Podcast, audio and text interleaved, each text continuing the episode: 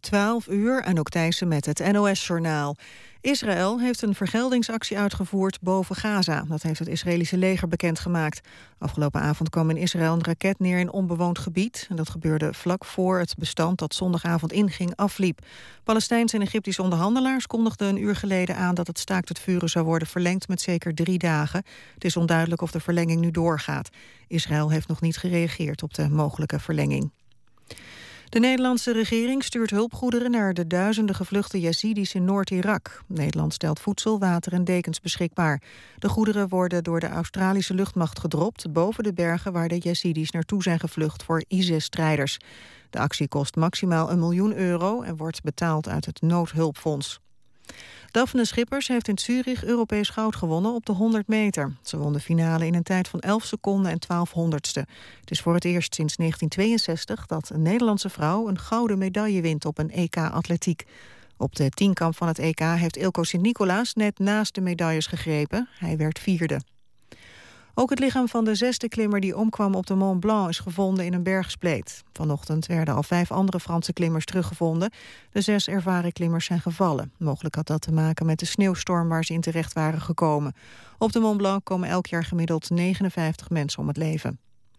Martin Mooi, de oprichter van het dichtersfestival Poetry International, is overleden. Hij was al lange tijd ziek. Mooi begon het Rotterdams Gedichtenfestival in de jaren 70. In korte tijd groeide het uit tot een toonaangevend internationaal evenement. Martin Mooi is 83 jaar geworden. Het weer. De komende uren neemt vanaf zee de kans op een bui weer toe. Temperatuur daalt naar zo'n 12 graden. Overdag vooral in het binnenland buien, maar de zon schijnt ook geregeld. Het wordt zo'n 20 graden. Dit was het NOS Journaal. Radio 1. VPRO. Nooit meer slapen.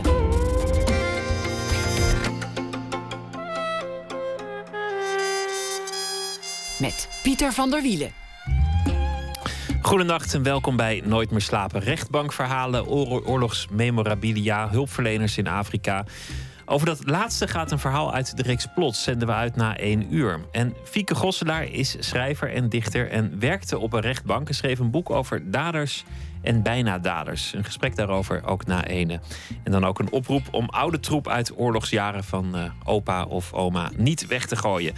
Maar we beginnen met Benjamin Herman. Hij is saxofonist, bandleider van de New Cool Collective en al sinds jaar en dag mededinger naar de titel Best geklede muzikant van Nederland. Een nieuw album, Trouble, is net verschenen samen met uh, zanger-pianist Daniel van Piekarts. En hij is ook weer te zien als openingsact op de Uitmarkt in Amsterdam binnenkort met de New Cool Collective. En op tournee met zijn trio, het Benjamin Herman trio. En uh, morgen vroeg op voor uh, een optreden bij Giel Belen. Veel eigenlijk, hè? Ja, en, en uh, Lowlands dit weekend met de Kick. En ik doe ook nog even met Typhoon mee. En ik speel vrijdag op het festival in Haarlem, Jazz Festival. En zondagmiddag ook nog even eh, in het Vondelpark met New Cool Collective. Dus uh, een druk weekendje voor de En, dan, en eh, om even aan te geven wat er net achter de rug is, gespeeld met Dr. John. Een, een mm-hmm, legende ja. in, in, de, in de muziek. In, in Zwitserland onder andere. En... Ja, op Montreux uh, Jazz Festival. Maar ja, van alles gebeurt er de hele tijd. Het, het, het, is een druk leven, maar heel erg leuk. Stel, stel er zou een, uh, iemand van het Fonds voor Ongevraagde Sociale Voorzieningen komen. die zou zeggen: Nou, oké, een jaar rust. onder één voorwaarde: die, die toeter blijft in het koffertje. Uh, dat, nou, dat zou ik niet doen. Dat lijkt me helemaal niet leuk. Ik zou wel een jaar rust willen zodat ik kan studeren. Uh, saxofoon kan studeren, dat wil ik al heel lang. Maar uh, ja, dat, dat, ik denk niet dat dat er ooit van komt. Nee, maar het was ook een, een gedachte-experiment. Ik dacht, zou, zou, je, zou je. Nou ja, je moet spelen. Dat is al een drang. Maar een, een jaar ook niet optreden. Is dat denkbaar? Of zou je dan toch in een soort gat vallen? Ik denk dat ik het helemaal niet leuk zou vinden. Dat ik. Uh, uh, ik, ik heb zoveel lol uh, met het spelen en met mijn medemuzikanten. Ik zou dat nooit willen missen. Dat is gewoon mijn leven. Dus ik zou niet weten wat ik zou moeten doen als ik geen saxofoon zou kunnen spelen of mogen spelen. En oefenen, dat, dat, je zegt ik zou wel een jaar vrij willen om, om wat meer te oefenen. Er zijn veel muzikanten die zeggen, nou ja, ik, ik heb in mijn jonge jaren veel geoefend. Ik beheers het instrument, ik heb het conservatorium gedaan. Dat, dat oefenen, dat hoeft niet meer zo nodig. Um, nou, ik weet ik ken ze niet hoor, die dat zeggen. Ehm, maar ik vind het eh, voor mezelf heel fijn om, om eh, in shape te zijn. En, en als ik op het podium ga, dat ik dan het gevoel heb dat ik die saxofoon onder controle heb. En dat ik de ideeën die ik in mijn hoofd heb, dat ik die kan vinden op dat ding. Want dat is vaak, eh, als ik niet genoeg studeer, dan zit ik maar wat te grijpen. Heb ik het gevoel dat ik, eh, ja, dat, dat, dat ik die nootjes allemaal niet zo goed kan vinden. En dat moet natuurlijk snel gebeuren. En dan ook nog in de hitte van het moment. En in, in een broeierige sfeer. En dan ook nog liefst improviserend. En je wil eigenlijk... Ja, je zou het kunnen vergelijken met een voetballer... die op het goede moment, als hij de bal krijgt, ook moet scoren. Dat is Ja. een, dat is een jazzsaxofonist. Ja, ja het is. Het is eh, ik, ik vind de vergelijking met, eh, met teamsport. eh, weet ik niet. Ja. Met voetballen weet ik niet of het helemaal opgaat. Alhoewel, is geen tegenstander. Dat is misschien het verschil. Ja, er zit niemand, niemand op het podium die koste wat kost probeert om jou. eh, Tegen eh, te houden. ja, om jou te dwarsbomen. Nou ja, het moet gebeuren. Het moet raak zijn. Het moet een indruk maken. Ja, Je krijgt de beurt. Alle ogen zijn op jou gericht. En dan, ja, dan moet je die noot vinden. Of, of die, die melodie kunnen omzetten. ja, ja. En dan eh, ga, het is vooral belangrijk dat het, voor mij in ieder geval, dat, het, dat krijg, je, krijg ik als ik veel studeer, dan wordt het allemaal wat rustiger in mijn hoofd op zo'n podium. En dan weet ik wat ik moet doen. En dan weet ik mijn embouchure, zeg maar, de, eh, mijn, eh, hoe mijn eh, lippen functioneren en hoe alles met elkaar coördineert. Dat, daar hoef ik dan niet zozeer over na te denken en geen zorgen over te maken. Dus dan kan ik me helemaal concentreren op datgene wat er in mijn hoofd omgaat. In plaats van het ding wat in mijn handen zit. Dat ding is dan geen obstakel meer. Nee. En als ik niet genoeg studeer, is het echt wel een obstakel. Dat is heel vervelend. Ben je wel eens niet in vorm geweest? Een periode? Eh, nou, ik heb wel af en toe met eh, extreme drukte dat, het, dat ik geen tijd heb om te studeren. Dus dan ren ik van eh, optreden naar optreden. En dan kan het zo zijn dat, het, dat je dan nog steeds in vorm bent van de, van de vorige gig, zeg maar. Maar het is, dat vind ik zelf niet heel prettig. Maar het komt voor. De lat ligt hoog, kortom. Ja, Je hebt, je hebt je saxofoon, las ik ergens, eh, gelezen voor je bar mitzwa. Bar mitzwa is eh, het, het feest, Joodse traditie... waarbij een, een jonge man, zo rond zijn dertiende... verantwoordelijkheid krijgt toebedeeld. ja. Dat, ik ik, ik Hmm. kom niet uit die traditie, dus ik, ik zeg het eh, waarschijnlijk niet helemaal netjes. Maar ik vind dat een, een, een mooi ritueel om, om echt erbij stil te staan en zeggen: Nou, jongen, vanaf nu telt het wat je doet en nu, nu moet je het zelf een beetje rooien. En, op dat moment een saxofoon krijgen vind ik ook heel symbolisch.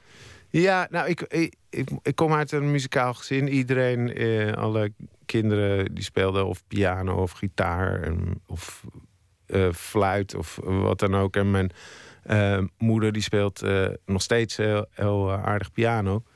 Mijn vader was, toen hij jong was, was hij muzikant ook. Dus het was eigenlijk heel vanzelfsprekend. En ik speelde daarvoor al drums. Dus het was, eh, het was helemaal niet zo gek. Alleen zo'n bar mitzwa, dat, daar is, dat is in veel eh, religies volgens mij een traditie. Een soort initiatieritueel. Ja, en dat, daar hoort dan een groot cadeau bij. Een groter cadeau dan bij een normale verjaardag. En ehm, ik, eh, ik, mocht, ik koos voor een saxofoon. En daar was ik heel blij mee. Maar ik, ja, misschien zoek ik er te veel achter hoor. Maar dan, dan zie ik ook meteen een soort symboliek van de saxofoon en de volwassenheid en de eigen identiteit en de verantwoordelijkheid en de vrijheid die daarmee komt. En dan, dan wordt het ook een instrument voor veel meer dan alleen muziek. Nee, nee dat, zo eh, heb ik dat niet ervaren. Nee, het was het, sterker nog, het eerste jaar dat ik eh, die saxofoon had, ging ik met, echt met lange eh, tenen, hoe, zeg je dat? Dan ging ik echt- met tegenzin naar mijn saxofoonles, want ik studeerde nooit. En dan elke keer, zoals een heleboel mensen dat, of een heleboel jonge mensen dat doen bij een eh, muziekles. Ik ging een half uur van tevoren ging ik eh, heel snel proberen om datgene wat ik vorige week eh, had moeten, of de hele week had moeten doen, dan ging ik dan proberen om in een half uur tijd te leren. En dat gaat natuurlijk niet. Dus eh er ging En altijd. dan ga je nat voor die docent en dan, en dan eh, gaat hij een beetje mokken van je hebt je, je hebt je les niet voorbereid. En dan zeggen ja, ik vond het eigenlijk ook niet zo'n leuk stuk. Of eh, ja, gisteren ging het veel beter. Ja, of ja, ik had, was iets leuks op de televisie. Of ja, thuis ging het goed, inderdaad. Dat soort dingen. Maar op een gegeven moment, toen, toen viel bij mij het kwartje dat ik, ehm, ik, ik. Mijn moeder die zei. Want ik zat zo te protesteren elke keer als ik naar saxofoonles moest. Ze had al een paar keer afgebeld op het laatste nippertje. Zei van oké, dan ga je deze week nog één keer en dan daarna verkopen we je saxofoon. En dan hoef je nooit meer naar les. En toen, ja, dat vond ik toch wel een beetje. eh, Ja, dat mooie grote cadeau. ja, maar ik vond saxofoon spelen vond ik heel, heel eh, leuk om te doen. Een heel cool instrument. Maar toen ze dat zei, toen heb ik... eh, eh, toen ik terugkwam van saxofoonles eh, tegen mezelf gezegd... nou, ik ga elke dag even een half uur... dan een half uur eraan zitten. En dat heb ik gedaan. En dat ging elke dag beter. En het is eigenlijk net als ehm, elk ander... elk andere hobby of dat je naar de fitness gaat of zo. Als je het één keer per week doet, dan is het eigenlijk niet zo leuk. Maar als je het, hoe vaker je het doet, hoe, hoe makkelijker het wordt en hoe meer lol je erin hebt. En, hoe dat- beter het gaat. Ja. Ja. precies. En ik merkte dat met die saxofoon. En eigenlijk sindsdien ben ik nooit opgehouden met studeren. Je vader heette Sonny. En in de jazz geen onbeladen naam. Sonny Rollins, Sonny Stitt, Sonny Clark. Er zijn Ja. nog veel meer Sonny's. Heeft natuurlijk niks met elkaar te maken. Maar dat gebeurde allemaal. De eerste jaren gebeurde in Londen, in Engeland. Jouw vader die was aanvankelijk voorganger in, in, eh, in een synagoge. Ja, hij was rabbijn. Rabbijn was ja. die echt. Vertel eens, zo, hoe, hoe, eh, wat weet je daar nog van? Van de, van de tijd dat je vader rabbijn was? Nou, eh, wij zijn op een gegeven moment, toen ik acht was, zijn we naar, met het hele gezin naar Nederland verhuisd. En eh, dat hij echt rabbijn was en zijn eigen gemeente had, weet je, zijn eigen synagoge, waar hij elke vrijdag en zaterdag ehm, voor stond. Dat, dat was heel bijzonder, want wij waren echt eh, de kinderen van de grote medicijnman, weet je wel. De, de, de- we- mochten Hij was iemand. ja, en dat was heel leuk. En hij was ook altijd, want hij, mijn vader leeft niet meer, maar hij was ook altijd als hij de dienst deed, weet je, als hij zijn, zijn ding deed in de, in de synagoge, was het ook een soort show. En daar had hij zelf ook heel veel plezier in. En hij maakte ook, deed ook zijn best om te zorgen dat mensen zich eh, op een gemak voelden en dat ze met plezier daar zaten. Dus eh, geen donderpreken en geen eh, moralistische dingen, maar wel ehm, ja, zorgen dat mensen graag terugkwamen. Entertainment met een boodschap.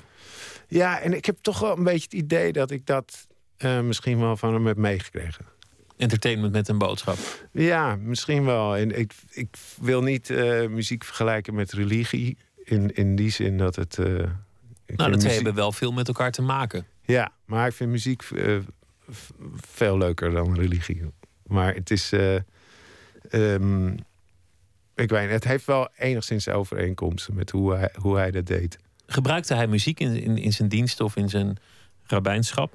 Nee, nee, maar hij zong wel graag. En hij, hij was voordat hij eh, trouwde en voordat hij ging studeren voor eh, psychoanalist, wat hij later eh, geworden is naast de rabbijn, ehm, wa- was hij jazzmuzikant. Dus hij speelde trombone en hij zong ook. Zo. Dus het was een beetje een manische van alles. Maar hij schijnt een hele goede eh trombonist geweest te zijn. Dus er, er was al jazz thuis. En, en, en ook aan de ene kant klinkt dat wel, wel leuk als je, als je het zo vertelt. Van, eh, je vader was iemand en ook iemand met een gevoel voor, nou ja, voor vertoon en voor amusement. En, en iemand die iets te vertellen had.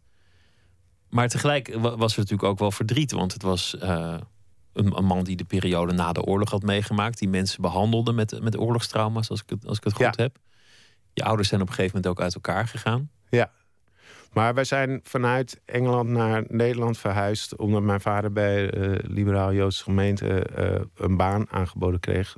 Juist omdat hij ehm, gespecialiseerd was in mens- me- met, eh, met oorlogstrauma's. En zeg maar die combinatie van psychoanalist en rabbijn, dat was eh, heel, ja, heel bijzonder en heel gewild. En hij, eh, als ik de verhalen mag geloven, en ik kom af en toe patiënten van hem tegen, of ex-patiënten van hem tegen. Die zijn al, allemaal vol lof over zijn, zijn werk en hoe hij was.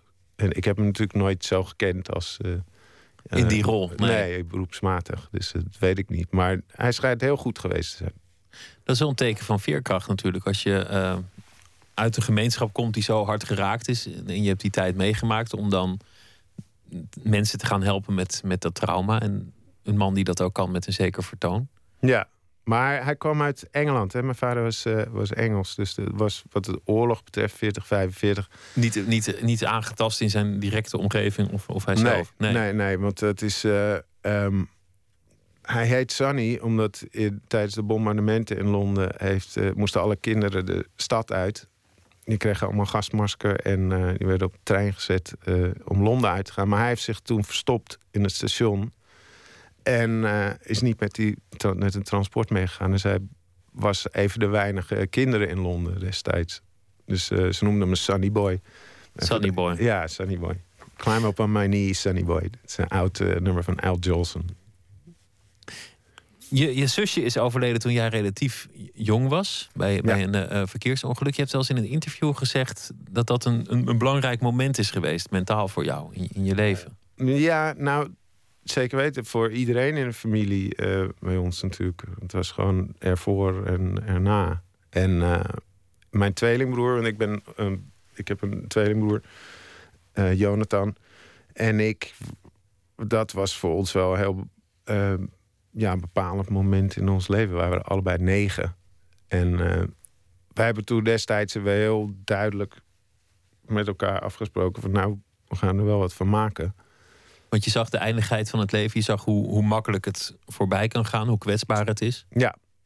En ik moet zeggen, ik ben, uh, naarmate ik ouder word, ben ik alleen maar gesterkt in, uh, in die mening van ja, je moet er wel zelf wat van maken.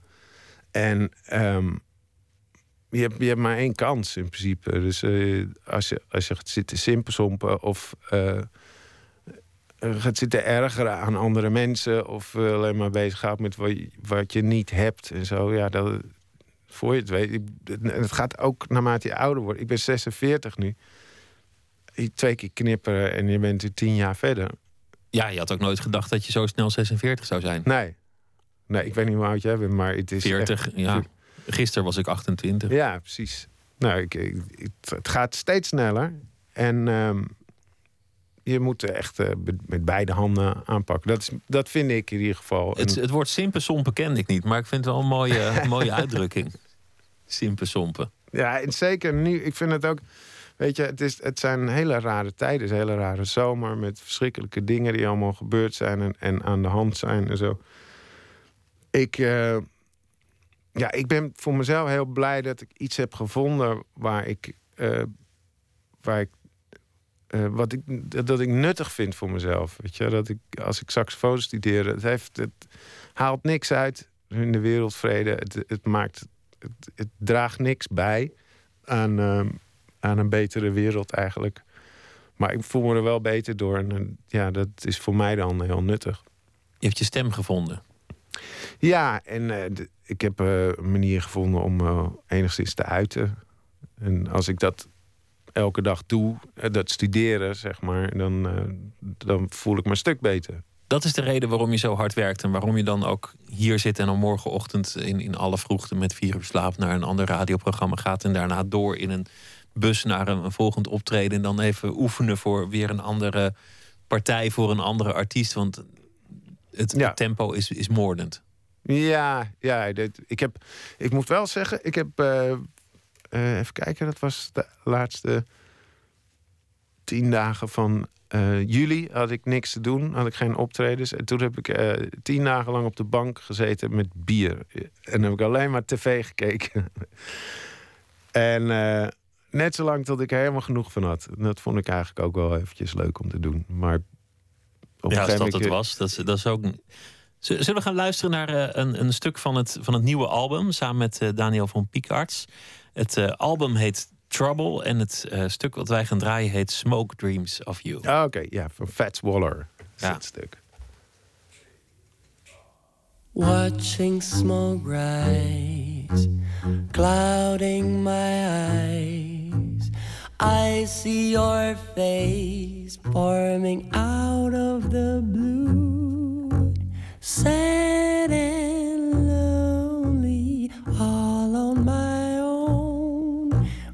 smoke dreams of you in reverie sweet memory takes me again to the days that we knew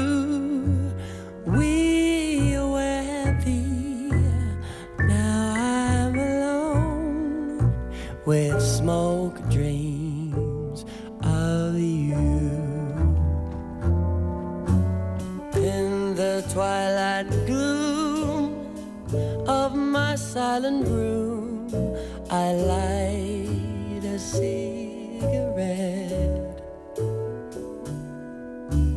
First a glow that's warm, then the ashes form. Just like a vanished love I can't forget. Paradise lost, at what a cost. There's no escape in the things that I do. I'll be haunted all my life through with smoke dreams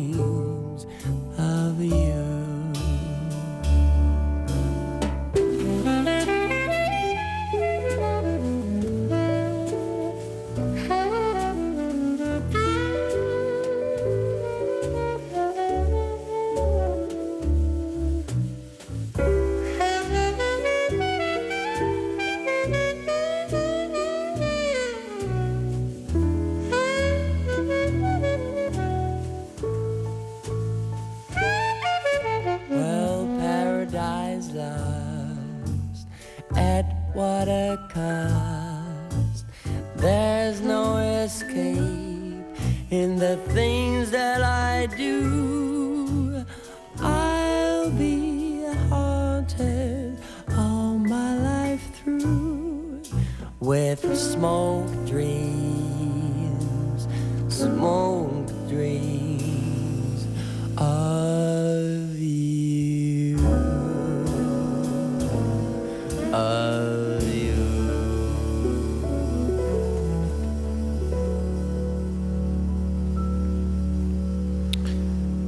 Van het nieuwe album Trouble vorige maand verschenen Benjamin Herman samen met eh, Daniel van Piekarts. In, in, in bepaald opzicht ook een atypisch stuk voor, voor hoeveel mensen jou kennen. Want de act die de meeste mensen kennen is natuurlijk de New Cool Collective. Maar Ja. ook andere dingen die doet. En vaak toch ook wel echt de broeierige, dampende, uptempo. la- laten we een heel klein stukje luisteren naar van, van gewoon het, het, echte, het, het razendsnelle jazzwerk. Even om in de sfeer te komen.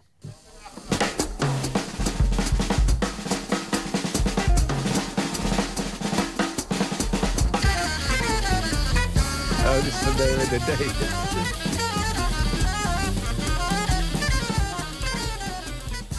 Zo.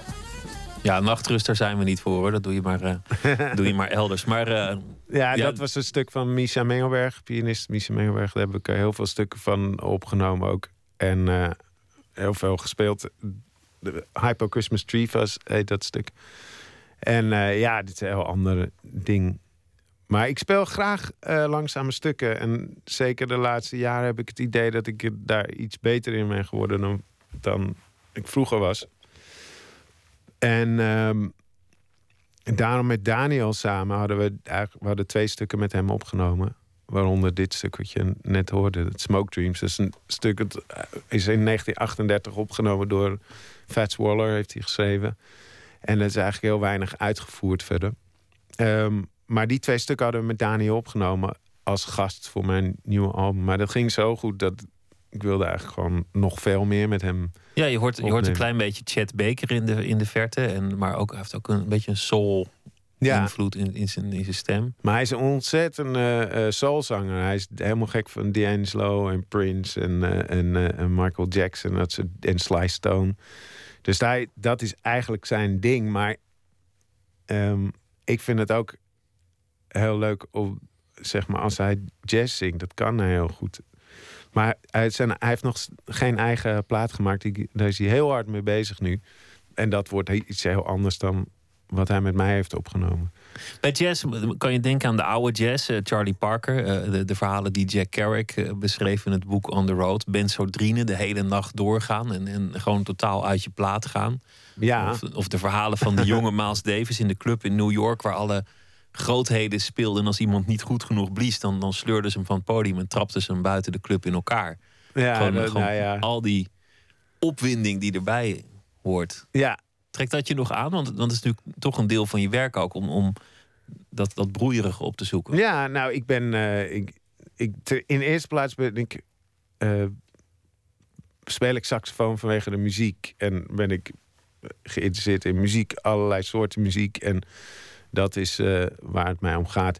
Daar heb Eh, ik het ook over. Hè? Want ja. het is die, die opwinding die hoort bij die muziek. Ja, maar ik moet, eh, ik moet erbij zeggen dat ik ook de muzikanten en, en, en in, met name jazzmuzikanten en dus de levensstijl die erbij hoort, dat heeft mij ook altijd heel erg aangetrokken. Want toen ik op de middelbare school zat en de biografie van Charlie Parker las, toen dacht ik eigenlijk alleen maar van wauw, dat wil ik ook. Jeetje, al die verhalen en allemaal al dingen die hij meemaakte en het nacht, eh, eh, nachtelijke avonturen. Werd natuurlijk. eh, ja, het, dat is het is niet goed voor hem afgelopen. Hij was in, in de twintig toen hij overleed. En, en de, lijkschouw, 30, ja.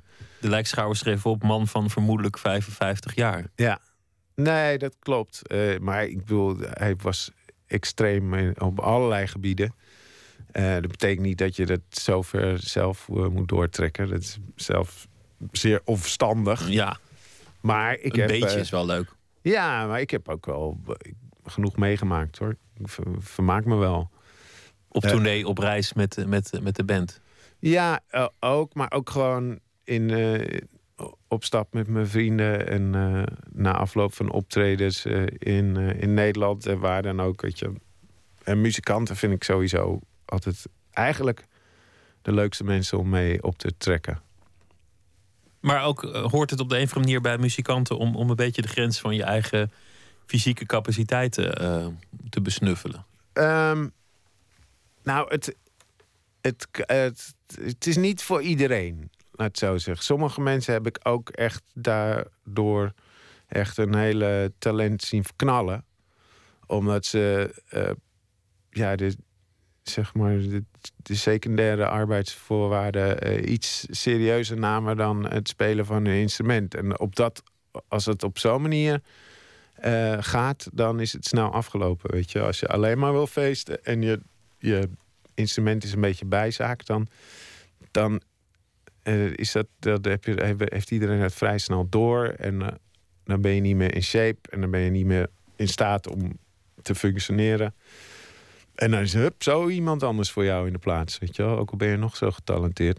Het gekke met, de, met de, de geschiedenis van de jazz is dat het aan de ene kant de geschiedenis is van, van jonge mannen, Charlie Parker eh, of, of die jonge Miles Davis, of, of eigenlijk al die legendes, Clifford Brown, dat waren allemaal jonge mannen, maar ook van oude mannen. Al die grootheden die nu nog optreden. Ja, Sonny Rollins is, is nu, geloof ik, in wat mindere conditie, maar tot zeer voor kort in goede vorm op het podium. Je, je hebt hem zelf ook eh, ontmoet. Ja. Nou, Sonny Rollins die, eh, die, die was vorige week heel erg in het nieuws. Eh, ik zal het hele verhaal niet vertellen nu, maar hij, Sonny Rollins is superleuk. Hij is eigenlijk een van de weinigen nog die overgebleven is, echt van de, Van de echte oude garde. ja, van de legendes. Maar die heeft een eigen website en die wordt regelmatig geïnterviewd. En eh, die heeft al filmpjes op You- YouTube. En dan vertelt hij over zijn jeugd en over wat hem bezighoudt. Dus het is super leuk om hem dat te kunnen horen eh, vertellen. En zien vertellen o- op het internet. Dat vind ik ontzettend gaaf. Hij heeft ook een Twitter-account en eh, eh, een website dus. En hij brengt nog regelmatig albums uit. En hij zei dat 2015 wordt zijn jaar. Heeft hij laatste. dat, is, dat is toch fantastisch als, als je aan de ene kant lang en, en ruig hebt geleefd en op, op zeer hoog niveau hebt gespeeld en getoerd, dat je, dat je op je oude dag niks meer te bewijzen, niks meer hoeft. En, en dat je gewoon daar nog staat en nog steeds die toon, die, die prachtige toon Ja. hebt. Nou, Sonny Rollins die, eh, die studeert nog steeds. Die, die, dat, is, dat legt hij ook uit. En Sonny Rollins is nu 83 volgens mij. En die, is- hij zegt, ja, dat is wat ik doe. Ik, ik studeer saxofoon. En ik speel daar eh, ook mee voor publiek. Maar overdag ben ik eh, gewoon de hele dag aan het studeren. Nou, je hebt er meer. Roy Haynes is een, is een drummer die vroeger nog met Charlie Parker speelde. Die, die is 86 of zo, die toert nog. En, Ja. eh, zo heb je er nog een paar. Maar daartussenin, want dat is eigenlijk het merkwaardige. Wat gebeurt er tussen, nou ja, 40 en 60 voor een jazz- jazzmuzikant? Ja, nou ja, wat dat- als je niet meer jong bent en wat als je ook nog niet, niet zo'n oude bent die mensen graag nog zien en die ze alles Ja. wel gunnen omdat hij zo mooi oud is geworden? Ja, nou in, in eerste plaats is het volgens mij niet iets wat alleen maar voor muzikanten geldt, maar dat geldt voor alle beroepen. Zeker. Als je, als je jong bent en nieuw, dan is iedereen natuurlijk heel razend benieuwd van wat je in de melk hebt te eh, brokkelen. En vergevingsgezind. Eh, ja, dat ook. En eh, ja, inderdaad, je, het is een heel ander soort dynamiek. En als je op een gegeven moment 40 bent of wordt, en dan, ja, dan moet je maar hopen of je nog bij de radio mag blijven werken, weet je wel, dat soort dingen. En Ja, er staan, er staan, er staan de jonkies die staan te popelen om. Ja, en er zit vaak ook nog een baas boven die zegt van ja, jongens, we moeten verjongen. Ik kan zo niet meer. Weet je, daar heb je als muzikant ook mee te maken met de, de boekingen die je hebt. En als je al een paar keer op festivals hebt gespeeld, dan is van ja, nou ja, die zijn al een paar keer geweest. Dus dat is inderdaad, eh, dat, maar dat heb ik al heel lang aanzien komen hoor. Dat is tussen je 40 en je 60ste als muzikant is, is echt eh, aanpoten. En ook in het leven, want misschien is het op een gegeven moment niet meer zo leuk om lang door te halen met een bandje en, en te keten in een tourbus en eh, de secundaire arbeidsvoorwaarden te genieten. Ja. Maar dan, dan lonkt al gauw ja, het, het grote levensplan van een, eh, een, dubbele koopsom hypotheek en een adviseur die jouw leven voor je uittekent. En, eh, en een, nou ja, een goede gezinswagen met een achterbank en een, en een handig trucje voor muntjes voor de tolwegen. Dat je zo kan uitschuiven. En dan Ja. kinderzitjes en plakplaatjes. En, eh, Ja, de sociale druk eh, eh, Neemt is, toe. is volop aanwezig. Maar ehm, ja, ik, ik, ik vind eh, wat dat betreft eh, dat ik, ik. Ik heb een, eh, waanzinnige vrouw. En, en eh, daar heb ik heel erg veel lol mee. En, eh, Je draagt ook een ring, zie ik. ja, we zijn getrouwd. En eh, ja, we hebben geen kinderen. Dat is er nooit van gekomen. En dat gaat ook niet meer gebeuren. En we hebben eigenlijk op een gegeven moment, toen dat duidelijk werd dat dat niet meer ging gebeuren, hebben we echt eh, ook heel duidelijk met elkaar afgesproken. We, we gaan niet leven alsof we kinderen hebben. We gaan dingen die, doen die wij leuk vinden. Want dat is die sociale druk, weet je wel. Mensen die, als je dan 30 bent, in de 30, dan kom je vaak op feestjes en dan hebben we. Dat, voor je het weet gaat het over hypotheken. Voor je het weet gaat het over kinderen. En als je dan geen kinderen hebt, is het van nee, eh, wordt het niet eens tijd voor. eh, het is zo leuk om kinderen te hebben. En ehm, ja, wij zijn er zelf eh, expres een beetje weg van gebleven. Van, van dat soort vrienden. We hebben vrienden een heel andere, andere soorten vrienden, zeg maar. Nou ja, je, je zou het ook in zekere zin kunnen zien als een, als een soort valkuil. De, de kinderen, ik bedoel, iedereen eh, moet alles zelf weten natuurlijk. Maar als vrijheid je ideaal is, dan, dan, is, dan is het misschien niet de meest logische weg om dat via nageslacht na te streven. Ja, maar ik, ik ben. Ik, ik heb daar heel veel over gehad en heel veel over nagedacht. Maar ik, het is allebei leuk. Weet je, als je kinderen hebt, dan wil je nooit meer geen kinderen. Want die kinderen zijn. Het is, het is fantastisch. Bedoel, er zijn uitzo- uitzonderingen. Maar eh, je moet er als ouders niet aan denken dat in één keer die kinderen weg zijn. Want dan is het gewoon stil in huis. En eh, wat moet je dan, weet je? Het is natuurlijk iets heel moois, al die liefde de hele dag die die je krijgt. Maar het is ook leuk als ze geen kinderen hebben. Het is niet zielig eh, of zo. Nee, precies. Maar alle, alles, alles is mogelijk. Maar hoe hou je het leuk voor jezelf in het muzikantenleven? Of komen daar andere dingen voor in de plaats? De, het, het, Mm. Of is het nog net zo spannend om nou ja, te toeren, eh, te feesten, het, het laten maken met de, met de band? Ja, ik vind het nog steeds. eh, ik, ik vind het waanzinnig. Nogmaals, ik vind het leukste wat er is. Eh, mits het, het optreden goed gaat. Mits, mits ik zelf in vorm ben. Mits ik genoeg saxofoon studeer. Dan is alles eromheen eh, eh, leuk om mee te maken. Dan kan je nog in eh, de meest erbarmelijke omstandigheden staan spelen. Dan heb je het nog steeds naar je zin. Ik kan nog de, de, de, de gage zo slecht zijn. En de baas van de club een ontzettend vervelende man zijn. Maar als je goed staat te spelen, dan maakt het allemaal niet uit. Als je op het moment dat je niet in vorm bent en je staat daar te, te, te dan is niks leuk. Dan is ook een afterparty niet leuk. En dan is eh dan, dan- dus Het gaat moet- om dat spel. Je, je bent in één valkuil niet gevallen. Dat is de, de man met de lelijke stropdas die een hypotheek komt aansmeren. Waardoor je aan hem vastzit. En dan blijkt het toch allemaal net anders te zitten. En een andere ehm, valkuil waar je eigenlijk niet in bent gevallen is, is, is dat het comfortabel werd. Want heel veel mensen die, die trompet spelen of saxofoon of, of iets anders, die komen in een, in een blazerssectie van een grote artiest of van een aantal artiesten. En het eigen project, dat is allemaal heel leuk en heel gaaf, maar het eigen project komt er nooit van. ja, De vernieuwing blijft uit. Het, het, het wordt een, een cyclisch iets. En dat heb je in ieder beroep en in ieder eh, Ja. leven. ja, en eh, het is niet voor iedereen weggelegd om, om eh, alsmaar dingen te initiëren zelf. Want er zijn eh, ook mensen die het graag zouden willen, maar die hebben echt een afkeer van dat geregel. En dat is ook niet leuk, weet je wel. Als je graag eh, saxofoon speelt, maar in plaats daarvan zit je de hele dag aan de telefoon allerlei shit voor allemaal collega's eh, te regelen. Want die moeten betaald worden, moeten ingehuurd worden. Er moet een, een hoesje komen, er moet een studio geboekt Ja. worden. Allemaal dat soort dingen, die heb je niet als je gewoon bij iemand anders in de band eh, meedraait. Maar Waar ja, daar tegenover staat dat het jouw project is. Jouw Ja. naam staat erop. Jij staat op de poster. Ja. En dat maakt jou ook, nou ja, verantwoordelijk. ja. En dat, Zoals dat bij je bar mitzwa je werd aangeboden. Verantwoordelijkheid. je die link blijven leggen. Ja, ja, dat is de laatste keer. Nee, maar ik, eh, ik heb op een gegeven moment heb ik, eh, ehm, met New Cool Collective, waar we begonnen. En daarvoor had ik ook al dingen zelf geïnitieerd. En, maar met New Cool was zo'n groot project. Ik was daar aan begonnen en ik merkte dat, eh, dat ik wel. Ik vond het niet leuk om te doen. En ik heb daar ook echt wel stribbelingen over gehad destijds, dus twintig jaar geleden, met eh, mensen eh, die in de band zaten over dat ik allemaal dingen moest regelen en andere mensen deden niks.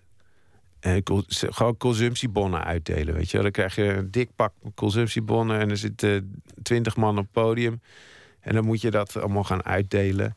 En daarna moet je belastingformulieren invullen. Dat was destijds. En dan moest iedereen 50 gulden geven na afloop van de gig. Maar ik was de enige die de, wist hoe dat moest. Als ik, dat had ik twee keer gedaan.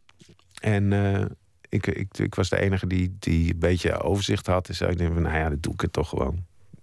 En er bleef ook vaak nog wat consumptiebonnen over. Dus die stak ik dan in mijn eigen zak. Dus had ik nog Ja, wat extra te drinken. Daar ben je bandleider voor. Maar de, de New Cool Collective is, is een, een enorm succes. Dat, dat loopt al eh, een, flinke tijd. Treedt 21 jaar. 21 jaar. J- Jullie treden eh, op in alle hoeken van het land en daarbuiten.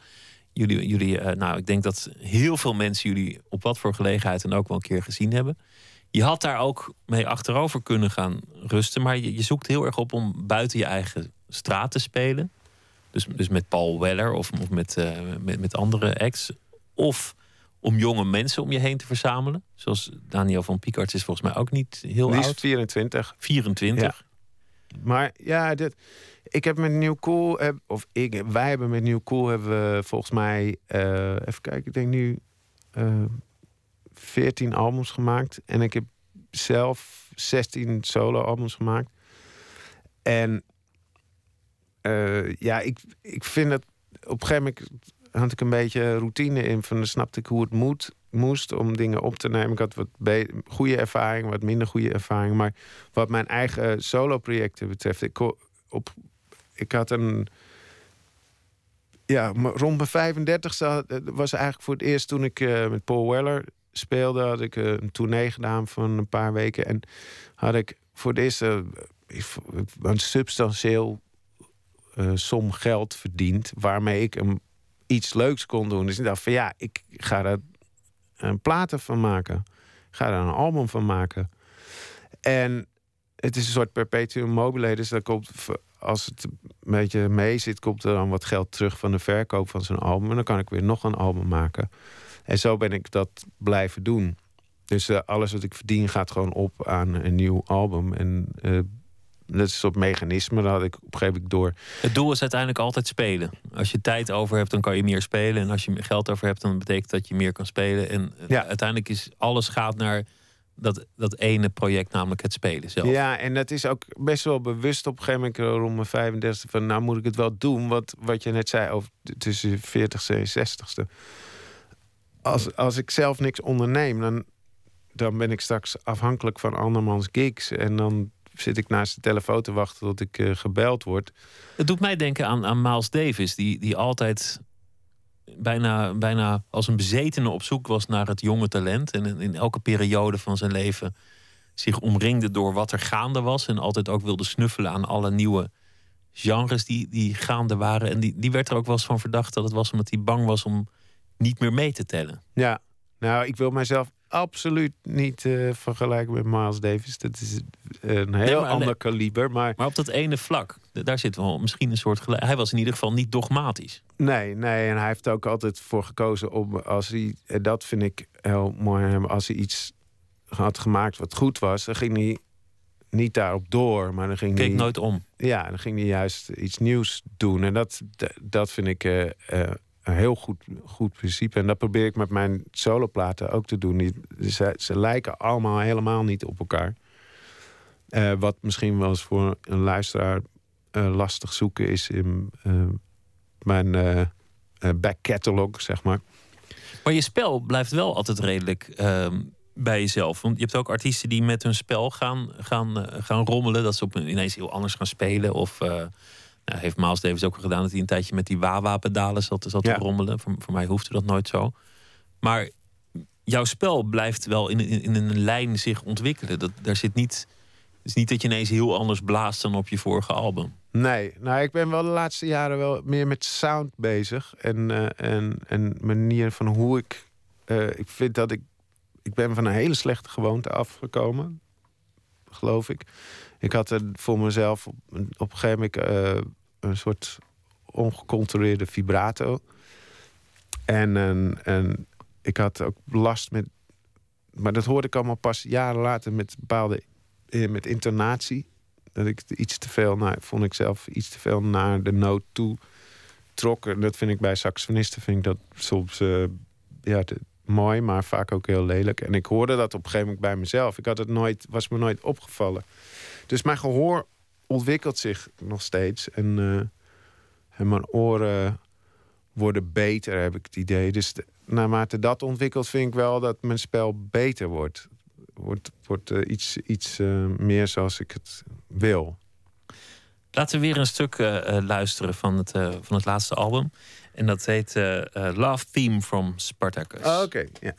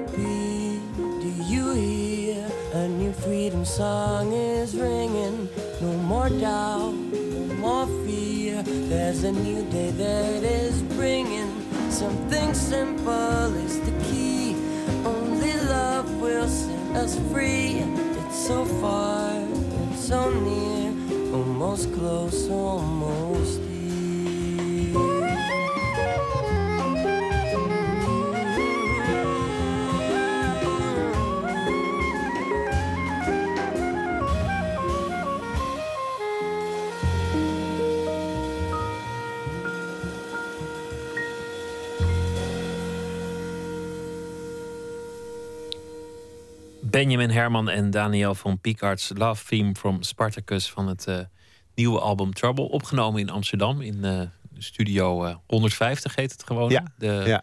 inmiddels redelijk bekende studio, omdat tal van grote artiesten daar wel eens komen binnenvallen als ze hier op tournee zijn. Een idee hebben. Bon Jovi geloof ik. En, ja, van alles. er komen voortdurend... Black Eyed Peas, ja. Paul Weller ook. Ja, Paul Weller heeft een album nagenoemd ook, 150. Studio 150. Ehm, en uh, daar heb ik ook uh, Paul Weller ontmoet voor het eerst. In die studio? Ja, in de studio. Dus het, maar het is een prachtige studio, maar de reden waarom het zo'n goede studio is, is vanwege de technicus Juri Saal die daar werkt. En die jongen die, die wordt elk keer, elk jaar wordt hij beter en beter en beter. Het is een fantastische technicus. die dit, deze plaat ook weer waanzinnig heeft uh, gemixt. En allerlei leuke trucjes heeft uitgehaald met bandrecorders en, en ouderwetse uh, echo's en weet ik veel. Overal haalt hij allemaal spullen vandaan om net iets bijzonders te, te geven. Weet je. En net weer beter. En dat is eigenlijk ook jouw, jouw houding. Hè? Gewoon beter worden, beter worden, spelen, doorgaan, spelen, doorgaan. Nog beter worden, nog een project ja, actief nou, blijven. Dat is een van de redenen waarom ik uh, in, in, uh, met, met Juri Sala het heel goed kan vinden. Is omdat die, die ze altijd pushing the envelope, weet je wel. Het kan, kan altijd weer anders, kan altijd beter. En ik heb, mijn tweelingbroer is, is uh, regisseur. hij, hij regisseert re reclamefilms.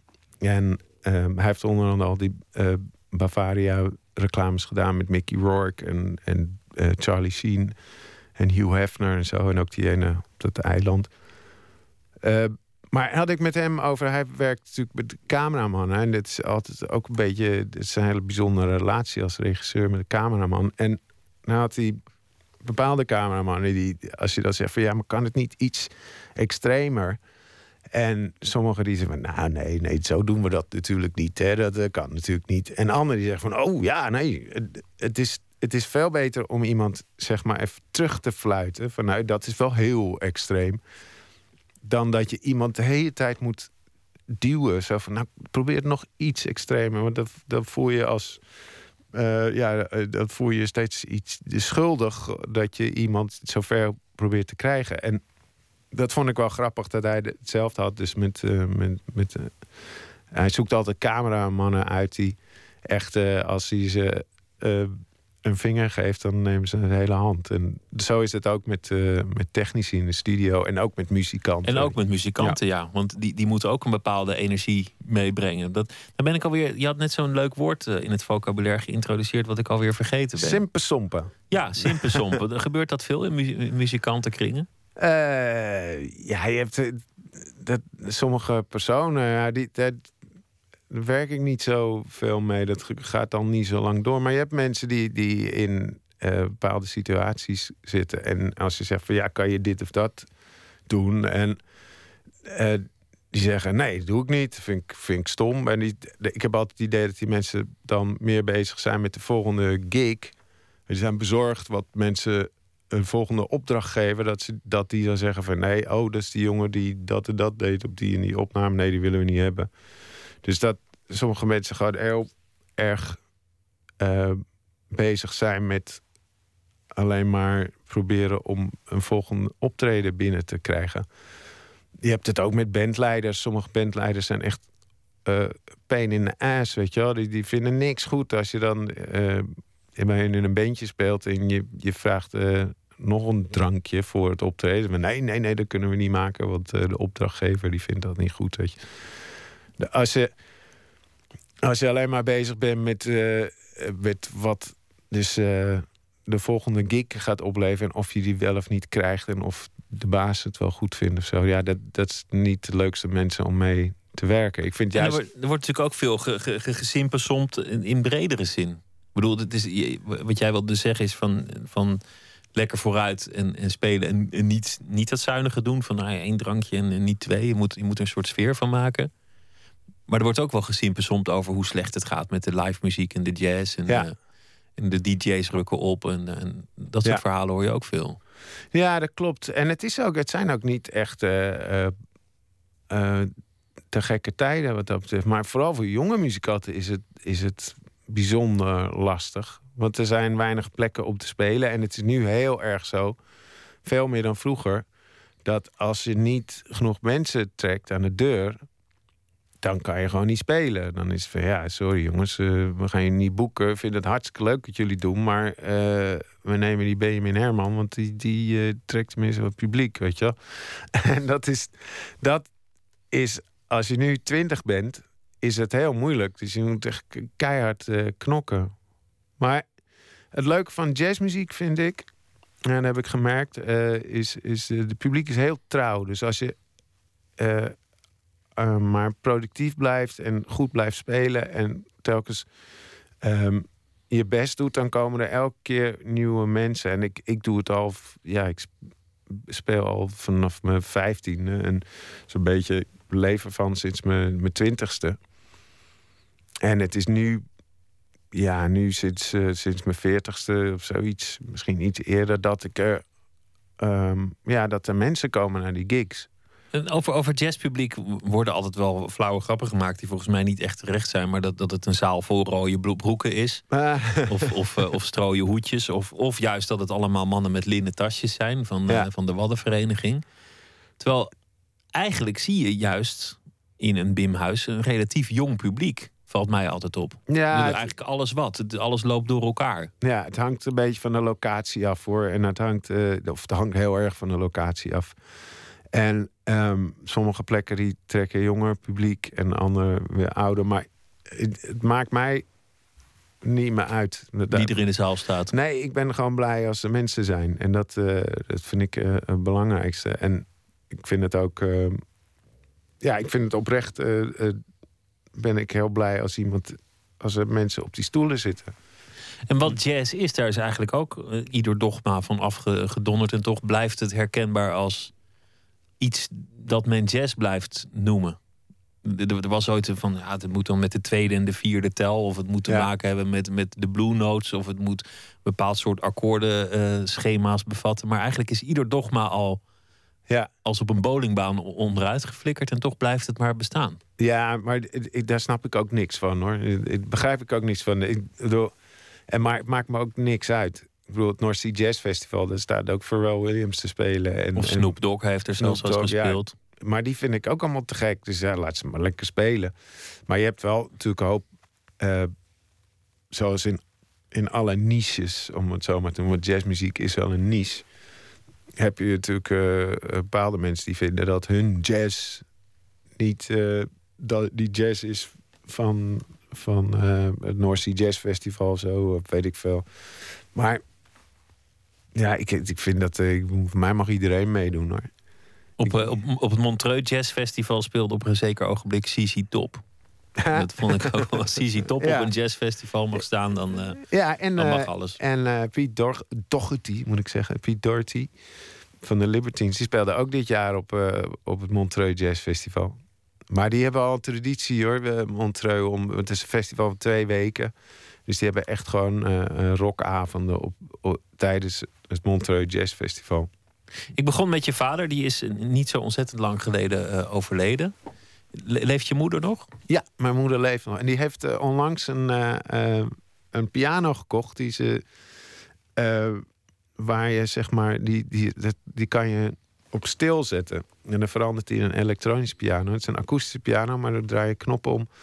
En dan wordt hij een eh, elektronische piano. En dan stop je de koptelefoon in. Want zij kan vaak niet slapen. Ze is eh, niet 83, zeg, volgens mij 83.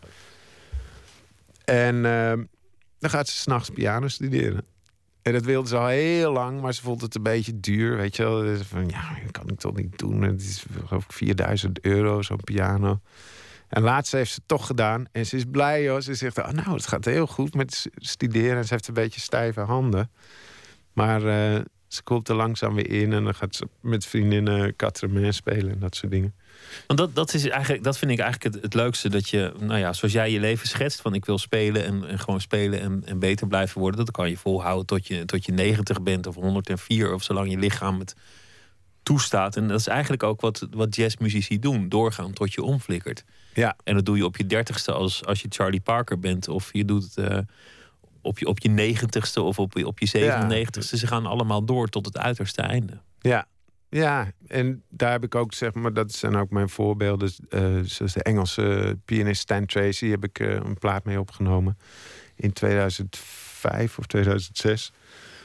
Ehm, die is vorig jaar overleden en die was 87 of bijna 87. En daar heb ik eh, een paar tournees mee gedaan in Engeland toen hij net 80 was geworden. Ja, dit is een oude brompot. Hele grappige man. Maar eh, ja, echt zo'n Engelse, eh, Londense eh, bromsnor. maar die, die ging helemaal aan als hij achter die piano zat. Dat was gewoon waarom die nog rondliep. Zijn vrouw was al overleden en een van zijn, kinderen was overleden. En het enige wat hij nog wilde was gewoon piano spelen. En dat, vind ik heel mooi, dit soort bepaald soort concentratie. Die eh, jonge muzikanten wel. Het is een andere concentratie dan jonge muzikanten. En ik speel ook vaak met Rijn de Graaf, pianist uit Veendam, die met alle grote der wereld heeft gespeeld, ook alle overleden helden. Fantastische muzikant. En die is ook die, die, die als hij eenmaal achter de piano zit, dan wordt hij zo blij als een kind. En als hij goed gespeeld heeft, dat, dat vind ik zo mooi om te zien. Dan, is hij, dan kijkt hij achter die vleugel vandaan en dan zie je hem echt, echt glimmen van, van trots dat het weer gelukt is. En, leuk muzikanten hebben meestal ook geen pensioen. Maar dat is in, in die zin ook een zegen om het niet te hebben. Want je, Eh. je moet gewoon door. ja, Ik bedoel, ook al zou je willen stoppen, het zou gewoon ook niet kunnen. nee, nee, nee, zeker niet. Ja, dat, het, het is alleen verstandig om beetje geld te, te sparen voor het geval iets Gebeurt. ja, iets met mijn tanden of iets met mijn handen of zo, weet ik veel. Waardoor het niet zou kunnen. En dat wordt me af en toe wel door oudere collega's op het hart gedrukt. Van joh, je bent nu gezond, maar denk je ook aan later. En, en het, het einde, heb je daar wel eens over nagedacht? Want dat is in, in, daar zijn natuurlijk zijn jazzmythes over. Hè? Over het, het eindige Ben Webster, die in, eh, in, een, in een café hier in Nederland onderuit zakte. En, en dat was het dan, tijdens Ja, het ja, ja. optreden in, in, eh, in de, de De, twee spiegels. spiegels, ja, dat was zijn laatste optreden. Hij is daar niet overleden. Nee, onderweg naar het ziekenhuis, dat is jammer. Dat, dat, dat was Oh. mooi. Het is een van mijn favoriete saxofonisten. Ja, nee, zeker. Maar het is natuurlijk het mooiste om het gewoon op het podium gewoon... Ja. ja, net als Tommy Cooper. Ja, Dat iedereen denkt dat het erbij hoort. Nou ja, ik weet niet. Ik hoop eh, heel oud te worden met mijn vrouw, met mijn meisje. En zij is, eh, zij is het, mooiste wat mij ooit is overkomen. Dat moet ik eh, zeker vermelden. En eh we hebben ontzettend veel lol samen. En ik hoop dat dat nog steeds blijft doorgaan. en heel veel muziek. Dank dat je te gast wilde zijn. Succes met opstaan morgen voor, voor Giel. En heel veel succes met alle optredens. Met je, met je tour, met je trio, met de New Cool Collective. Met nieuwe albums, met, eh, met alles. Benjamin Herman, dank je wel. Dankjewel voor, eh, voor het hebben. Zometeen gaan we verder met eh, Nooit meer slapen. Twitter, at VPRO NMS. Mail nooit meer slapen, at VPRO.nl.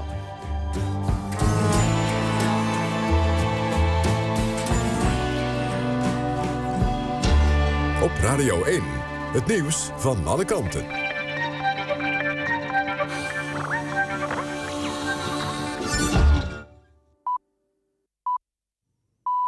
1 uur, Anouk Thijssen met het NOS-journaal. Het is onduidelijk of het staakt het vuren tussen Israël en Hamas is verlengd. Vlak voordat het oude bestand afliep om middernacht... zou Israël zijn beschoten met raketten. Hamas ontkent dat de raketten vanuit Gaza zijn afgevuurd. Het Israëlische leger voerde daarna een militaire actie uit boven Gaza. Afgelopen avond meldden onderhandelaars dat het driedaagse staakt het vuren... met vijf dagen zou worden verlengd... terwijl in Egypte verder wordt gesproken over een permanente oplossing. Amerikaanse militairen zijn op de Iraakse berg Sinjar geweest... waar duizenden Yazidis wachten op hulp. Volgens Amerikaanse media hebben commando's het gebied verkend... ter voorbereiding van hulpoperaties. De Amerikaanse zender ABC meldt dat ze slechts korte tijd op de berg bleven. Het zou gaan om nog geen twintig Amerikaanse militairen. Volgens de Britse krant The Guardian was ook een groep Britse commando's op de berg. Het is voor zover bekend voor het eerst dat buitenlandse troepen landen op Sinjar... waar duizenden vluchtelingen hun toevlucht zochten na aanvallen van terreurbeweging ISIS. Er is onduidelijkheid over de gezondheidstoestand van Igor Strelkov... de rebellenleider uit Oost-Oekraïne... en mogelijk de man achter het neerschieten van vlucht MH17. Er zijn berichten dat hij bij gevechten zwaar gewond is geraakt... maar die worden door anderen tegengesproken. Strelkov is minister van Defensie van de zelfverklaarde Volksrepubliek Donetsk. Vorige maand plaatste hij op internet dat zijn troepen een vliegtuig uit de lucht hadden geschoten. Later bleek dat het toestel van Malaysia Airlines te zijn geweest. Daphne Schippers heeft in Zurich Europees goud gewonnen op de 100 meter. Ze won de finale in een tijd van 11 seconden en 12 honderdste. Het is voor het eerst sinds 1962 dat een Nederlandse vrouw een gouden medaille wint op een EK-atletiek. Op de tienkamp van het EK heeft Ilko Sint-Nicolaas net naast de medailles gegrepen. Hij werd vierde. Het weer. De komende uren neemt vanaf zee de kans op een bui weer toe. De temperatuur daalt naar zo'n 12 graden. Overdag vooral in het binnenland buien, maar de zon schijnt ook geregeld. Het wordt zo'n 20 graden. Dit was het NOS Journaal. Radio 1.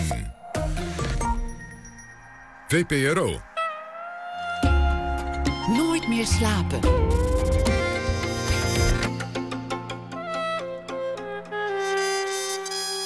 Met Pieter van der Wielen.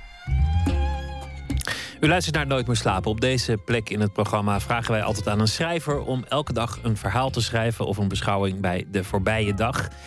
Rob van Essen recenseert voor NRC Handelsblad Engelstalige literatuur, schrijft zelf ook boeken, eh, verhalenbundels en meerdere romans. En over twee weken verschijnt een nieuwe verhalenbundel. Hier wonen ook mensen. Rob van Essen, goeienacht. Goeienacht.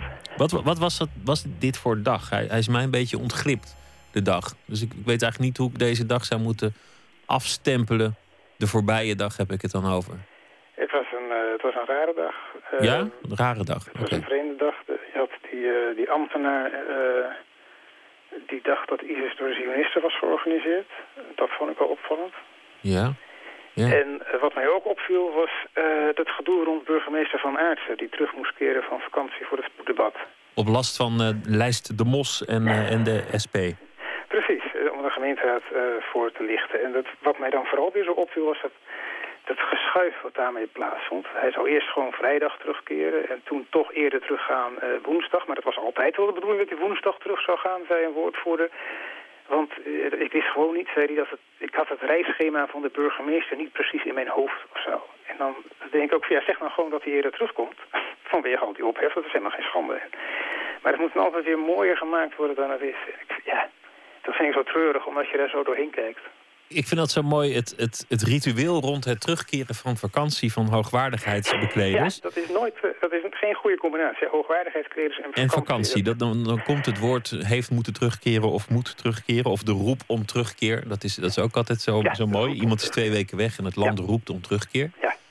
Um, met, met Mark Rutte, die terugkwam voor de ramp met MH17, begreep ik het wel. En dat vond ik eigenlijk ook wel een goede inschatting. Dat hij, dat hij meteen. Hij kwam meteen terug voordat mensen begonnen te roepen: waar is Rutte? Was hij al onderweg? dan heb je het goed getimed. Ja, en heeft hij, ook, heeft hij ook meteen op waarde ingeschat. Wat, wat een, bedoel, ik kan me ook voorstellen dat je nog even aan je vakantieparadijs vastklampt. En, en dat, dat de ramp nog moet bezinken. Ja. Maar met, met burgemeesters gaat het vaak mis. En ik heb me dan maar uh, voor vandaag voorgesteld dat er ergens op het ministerie van Binnenlandse Zaken een ambtenaar een notitie eh, schrijft om zijn gedachten over dit thema te ordenen. En dat is mijn bijdrage voor vanavond, voor vannacht. Ik ben benieuwd. Ik, uh, ik hoor hem graag. Burgemeester in vakantietijd, heb ik het maar genoemd. Hm. Is een nota in twee, uh, twee punten. Punt 1 is probleem. Een burgemeester die ondanks het feit dat er zich in zijn of haar stad allerlei dringende kwesties afspelen... niet van zins is zijn of haar vakantie af te breken... en dan uiteindelijk, al dan niet op aandringen van hoge hand... alsnog eerder naar huis terugkeert... heeft in één klap zijn of haar geloofwaardigheid verspeeld en zijn... of haar terugkeer is dan ook in feite te vergeefs. Hij of zij zal voor altijd beschadigd zijn en had in feite net zo goed meteen op zijn of haar vakantiebestemming een nieuw leven kunnen beginnen door bijvoorbeeld een plaatselijk restaurant over te nemen of aansluiting te zoeken bij de bemanning van een kleine vissersboot. 2. Hoe dit probleem in de toekomst te voorkomen. 2.1. Het verbieden van vakanties van burgemeesters zal door de beroepsgroep ongetwijfeld niet als secundaire arbeidsvoorwaarde worden geaccepteerd. Het tegelijkertijd met de burgemeester op vakantie sturen van de gehele bevolking van de desbetreffende stad zal in de praktijk op grote al dan niet logistieke problemen stuiten. 2.2. De burgemeester zou, alvorens hij of zij op vakantie gaat, op de lokale televisie kunnen verschijnen in het gezelschap van de local burgemeester, om die aan de kijkers voor te stellen met de woorden, kijk, ik ben zometeen even weg, maar dit is in de tussentijd de burgemeester. Dus als er een crisis uitbreekt of je gewoon wat aandacht wilt, moet er bij hem of haar zijn. Met andere woorden, als je om de burgemeester roept, roept u om hem of haar. Is dat duidelijk? Toch zou ook deze benadering als een vorm van vaandelvlucht kunnen worden beschouwd. 2.3. De meest praktische oplossing lijkt de volgende. De burgemeester komt altijd eerder terug van vakantie, ongeacht de situatie in zijn of haar stad. Mocht er niets aan de hand zijn, dan kan de burgemeester, zo iemand zijn of haar vervroegde thuiskomst al opmerkt, aanvoeren dat hij of zij zich verveelde en zin had om weer wat dossiers door te nemen. Maar laten we eerlijk zijn, de kans dat een burgemeester terugkeert in een stad waar er niets aan de hand is, wordt met de dag kleiner. Er is altijd wel iets aan de hand. En het ziet er niet naar uit dat het binnenkort zal gaan veranderen. Hoogachtend, uw dienaar, et cetera, et cetera. Juist, ja. Er zijn natuurlijk ook een, een, aantal carrières die zijn gesneuveld... wegens het niet terugkeren van vakantie. Er was ooit een, eh, een partijvoorzitter van de PvdA... die was op fietsvakantie. Ja, dat is waar. Hoe heet ze ook alweer? Marijke van Hees was het volgens mij. Kan dat? Dat, dat zou kunnen, ja. Die was ja, die... in Toscane, als ik me goed herinner. En die was gewoon onbereikbaar. En die was lekker aan het fietsen. Ja, en... en um, en dan heb je ook nog de dossiers van hoogwaardigheidsbekleders die terugkeren van vakantie en daarbij een te duur vervoermiddel nemen. Dat, daar kan ook weer ophef over ontstaan. Een privévliegtuig of zo. Ja, een privévliegtuig of helemaal met de taxi vanuit Toscane terug. Ja, ik moest toch terugkomen, bel ik wel een taxi. Ja, ja. ja. Het is moeilijk om het goed te doen, hè? Nou, ik, ja, ja, wat jij zegt is misschien een idee. Je zou ook iets met videoconferenties kunnen doen. Of, of een burgemeesterlijk vakantieverblijf. Want dat doen Amerikaanse presidenten. Die zitten vaak in het presidentieel vakantieverblijf. En dat telt dan toch een beetje als werk. dat is een heel goed idee. Dan maak je gewoon ergens een heel groot vakantiepark... waar je alle burgemeesters van Nederland op vakantie kwijt kunt. Ja, en dan, dan, zijn ze toch een beetje aan het werk. Precies, en je zit er één straalwagen bij voor de, voor de directe verbinding. En dan, uh, ja, dat is een idee. En dan laat Van Aartsen vanaf het burgemeesterlijk vakantieverblijf weten dat de situatie zijn volle aandacht heeft. En, uh, precies, nou precies, ja. ja. Goed. En iedereen weer gerustgesteld. Hij kan daarna toch gewoon alsnog op vakantie gaan en gewoon uh, het verzwijgen dat hij op vakantie is. Je merkt het nou. Ja, ja. Dankjewel uh, voor je bijdrage deze nacht. En morgen graag weer een verhaal. Rob van Essen, goeienacht voor nu. Goeienacht. We draaiden deze week vooruitblikken op Lowlands in onze muziek. Het uh, jaarlijks festival in Biddingshuizen, de 21ste editie dit jaar. Een van de muzikanten die daar gaat spelen is dochter van een van de Sex Pistols van drummer Paul Cook. Haar naam is Holly Cook. Ze heeft zelf andere muzikale voorkeuren. Ze koos voor reggae muziek in plaats van uh, de woede van, van de vader. We gaan luisteren naar een zomerstuk, Milk and Honey.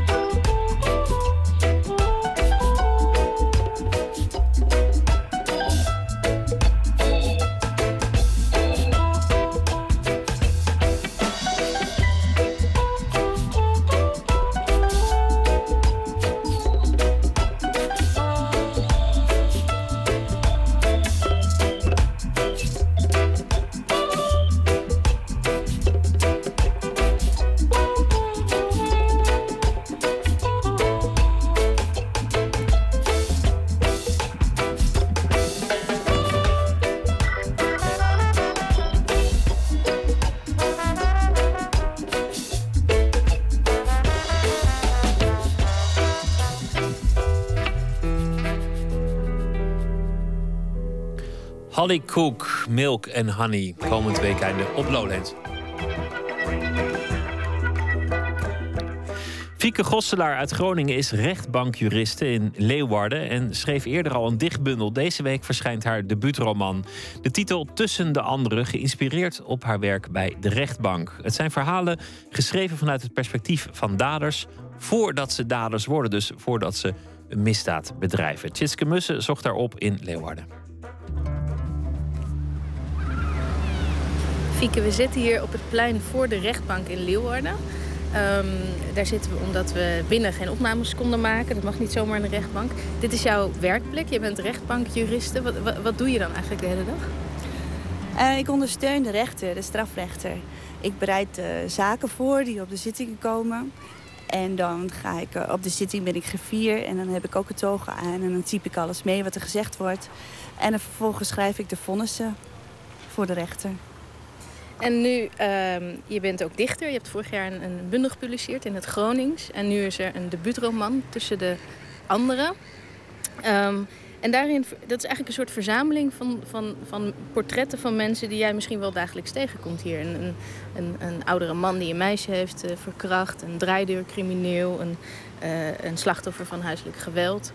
Uh, waarom wilde je hier een boek over schrijven? nou, ik heb eigenlijk ja, ik werk hier nu vijf jaar. En alle verdachten die ik in die vijf jaar heb gezien, die zitten er allemaal een beetje in dit boek. Dus uh, ja, het gebeurt eigenlijk een beetje vanzelf als je hier zit als schrijfster. Dat als al die personages voor je zitten, uh, verdachten en, en, en al hun zaken en alles wat ze daaromheen vertellen. Ik lees, als je een dossier leest, lees ik ook alle kanten van een dossier. En uh, ja, het, het, gaat eigenlijk vanzelf. Op een gegeven moment begon ik gewoon te schrijven met uh, Arend, uh, die zijn vrouw uh, heeft mishandeld. En, ja, en vervolgens kwam er nog een verhaal uit. Het, ja, het gaat dan een beetje vanzelf. En nou, nou lukt het je heel goed om, om die personages ook hun eigen vocabulaire te geven eigenlijk. Hè? Hoe doe je dat? oh, ik hoor het wel eens vaker. Um, ja, weet ik, weet ik eigenlijk niet hoe ik dat doe. Misschien gaat het ook een beetje vanzelf als je, als je inleeft in iemand. Maar is dat ook iets wat, wat in dossiers... Is, worden daar de, de hoe noem je dat? De, de, precies uitgesproken woorden ook opgeschreven of zo? Kun je daaruit halen of niet? Nou, in een procesverbaal van de politie is meestal wel wat zakelijk weergegeven. Wel iets, want het hangt altijd iets samen van hoe iemand zegt, wat zegt. Maar je ziet dan toch, ik zag en voelde dat ik dit en dat deed. En, uh, dus het wordt toch altijd een beetje omschreven. Het is niet, helemaal zoals het uh, gezegd wordt. Die kant vanuit de verdachte gezien, dat is niet een kant die je vaak, waar je vaak over leest. Je leest meestal van nou die en die is, is veroordeeld voor dit en dat. Maar die persoonlijke verhalen, dat, is wel, dat kom je niet vaak tegen. Nee, en ik hoop ook wel dat daarom mensen mijn boek gaan lezen. Want ik vind, uh, ja, iedereen kan heel makkelijk meeleven met een slachtoffer. En iedereen kan daar zich wel iets bij voorstellen hoe erg het is als je slachtoffer bent van een misdrijf. Maar bij de kant van de verdachte is het altijd wat lastiger, want die, die vertelt daar niet zo heel erg over. Ja, in de rechtszaal wel, maar heel veel mensen komen niet zelf in een rechtszaal. Kan wel natuurlijk, want het is openbaar. Maar vaak is het dan, lezen mensen het toch uh, uit de krant. En dan is het toch een kort objectief stukje met veel meer feiten en dan achtergronden. Dus, uh, maar er speelt heel veel mee. En ik ben van mening dat eigenlijk iedereen wel een keer voor de strafrechter kan verschijnen in bepaalde situaties. Uh, want dat, dat is ook wat, wat ik eigenlijk wel zie. Mensen kunnen in bepaalde situaties vreemde dingen doen en dan verschijnen ze toch voor de rechter inderdaad. Dus ik heb ook een beetje... Uh, het zijn ook niet allemaal grote criminele de, uh, delicten die in mijn verhalen staan. Gewoon, of een meisje die een klein winkeldiefstal pleegt op haar werk. Dat zij is cashier in de supermarkt en dan steelt ze geld uit de kassa. Het is eigenlijk heel klein, maar er zit wel een heel verhaal achter. Ja, het effect van deze portretten is dat je, um, dat je ook je krijgt sympathie voor ze. Want deze daders hebben een aantal hebben een slechte jeugd, of ze hebben een psychische ziekte, of ze worden onderdrukt. En dat je, dat je bijna wel begrijpt dat ze het heft in eigen handen nemen of een, een misdaad gaan uh, plegen. En dat is als lezer wordt het bijna gevaarlijk af en toe. Dat je denkt van ho ho, ik, uh, moet ook weer niet te ver met ze meegaan. Het zijn natuurlijk wel, wel, wel daders. Is dat, is dat iets waar je ook mee gespeeld hebt? Uh, nou, niet, niet zozeer bewust. Want ik heb gewoon meer gewoon ingeleefd in, in het personage. Dus dan zit ik uh, in zijn hoofd. En dan ben ik gewoon gaan schrijven. En dan ontkom je niet aan, het maken van herinneringen omdat je op die manier gewoon een personage opbouwt. En je ontkomt ook niet aan wat een verdachte of wat een personage. ik hou dit voor door elkaar. Wat een personage ziet om zich heen. En dat maakt ook wel wie, wie hij is. Dus ja, dan, dan, dan krijg je gewoon ook een mens uiteindelijk, denk ik. En ja, voor een mens mag je best in bepaalde opzichten sympathie voelen. Maar ja, totdat hij wat verkeerds doet, inderdaad. Ja, dat is jammer. Is dat eigenlijk, kan het voor een, een rechtbankjuriste ook nadelig zijn als je je zo inleeft in, in daders? Uh, nou, het is toch weer anders dan dat ik met een dossier bezig ben. Dan, dan ben je toch wel weer wat, wat afstandelijker uh, ermee bezig. Omdat je dan toch uh, van het papier... Ja, even kijken hoor, hoe zeg je dat? Ja, je kijkt daar juridisch naar. Je kijkt daar met een juridisch oogpunt naar. En dan probeer je niet helemaal in te leven hoe een verdachte daar allemaal precies bij denkt. Dat is niet echt van belang om het uh, dossier te bekijken. Tenminste niet in die zin dat ik heb gedaan met mijn verhaal. Ik hoef niet alle ins en outs uh, daarvan, uh, alle gedachten te weten. Maar dan kijk je gewoon meer wel naar de persoonlijke omstandigheden. Maar die zijn dan allemaal opgeschreven door de reclassering. En wat daar dan uit is gekomen, die geeft dan een strafadvies. En, ja, je leest dan ja, of het te bewijzen is als, als je alle verklaringen van de getuige, het slachtoffer en de verdachte allemaal hebt gelezen. Dat is toch ja, is een andere manier van lezen of benaderen. Dus dan kun je het oog van de schrijver en het oog van de jurist... Uh, dat zijn gewoon twee andere ogen eigenlijk die je dan opzet of aanzet. Ja, maar soms zie je dan ook wel weer wat. Want ik heb ook wel... Ik had bijvoorbeeld in, in Bruno, dat is een rapper... Nou ja, ik heb wel een dossier gehad waar de verdachte ook raptekstjes had. Dus dat, dat denk ik, oh wauw, denk ik dan. Dat ga ik ook doen. Dus, uh, alleen ik heb wel mijn eigen raps geschreven. Wat is jouw favoriete personage? Uh, ja, Bruno. Uh, hij is een jongen van uh, 19 in het eerste verhaal. Ik heb ook een tweede verhaal over hem geschreven dat tien jaar later is. Dan is hij dus 29. en hij pleegt een uh, roofoverval samen met een vriend van hem, Asim. En dan slaan ze op de vlucht. En dat vluchten, ja, dat gaat door allemaal straatjes in, in een woonwijk. En uh, ja, ondertussen dan zie je denk ik wel heel veel van zijn karakter, wat hij daar ziet. En dat hij toch ook met dat rap schrijven bezig is. En uh, dat hij op een gegeven moment ook terugdenkt en aan uh, wie hij is. Ik denk dat hij wel heel erg goed uit de verf is gekomen in dat verhaal van meerdere kanten. En ja, ik vond hem zo leuk, omdat ik dacht van, ik wil wel even weten hoe het met hem verder gaat. En ik dacht van, volgens mij kan hij wel echt een keiharde crimineel worden. Dus ik ben wel benieuwd hoe het tien jaar later met hem is. En nou, daar is hij eigenlijk heel triest. Daar heeft hij net zeven jaar gevangen gezeten, van zijn 22e tot zijn 29e. En dan loopt hij door zijn oude wijk. En dan herkent hij wel dingen, maar die zijn toch allemaal net anders. En is hij ook vooral heel erg eenzaam. Maar tegelijkertijd is hij ook wel gewoon, zegt hij ook wel... ja, ik heb niet meegewerkt met de reclassering... en toen heb ik mijn hele kamer in elkaar getrimd. Dus hij blijft een beetje zo'n randje hebben. Ja, je voelt aan alle kanten dat het niet de laatste keer was dat hij in de gevangenis zat. Nee, ik denk dat hij ook nog wel een keer weer teruggaat. Wil je een stukje voorlezen? Ja. Kijk, hier heeft Bruno net een uh, overval gepleegd. En dan rennen ze net weg. We rennen door de straten, door plassen regenwater. Ik moet door blijven rennen, mijn lichaam is een razende. Azim springt op mijn rug, pakt me beet bij mijn schouders. Woehoe, roept hij. Je deed het goed. Het is verdomme gelukt. Hij houdt de plastic zak met geld hoog boven zijn hoofd. Iedereen kan het horen rinkelen, maar we denken nergens aan. We rennen en rennen en niemand houdt ons in. Grijze rijtjes huizen en geparkeerde auto's met oranje voetballeeuwen aan achteruitkijkspiegels.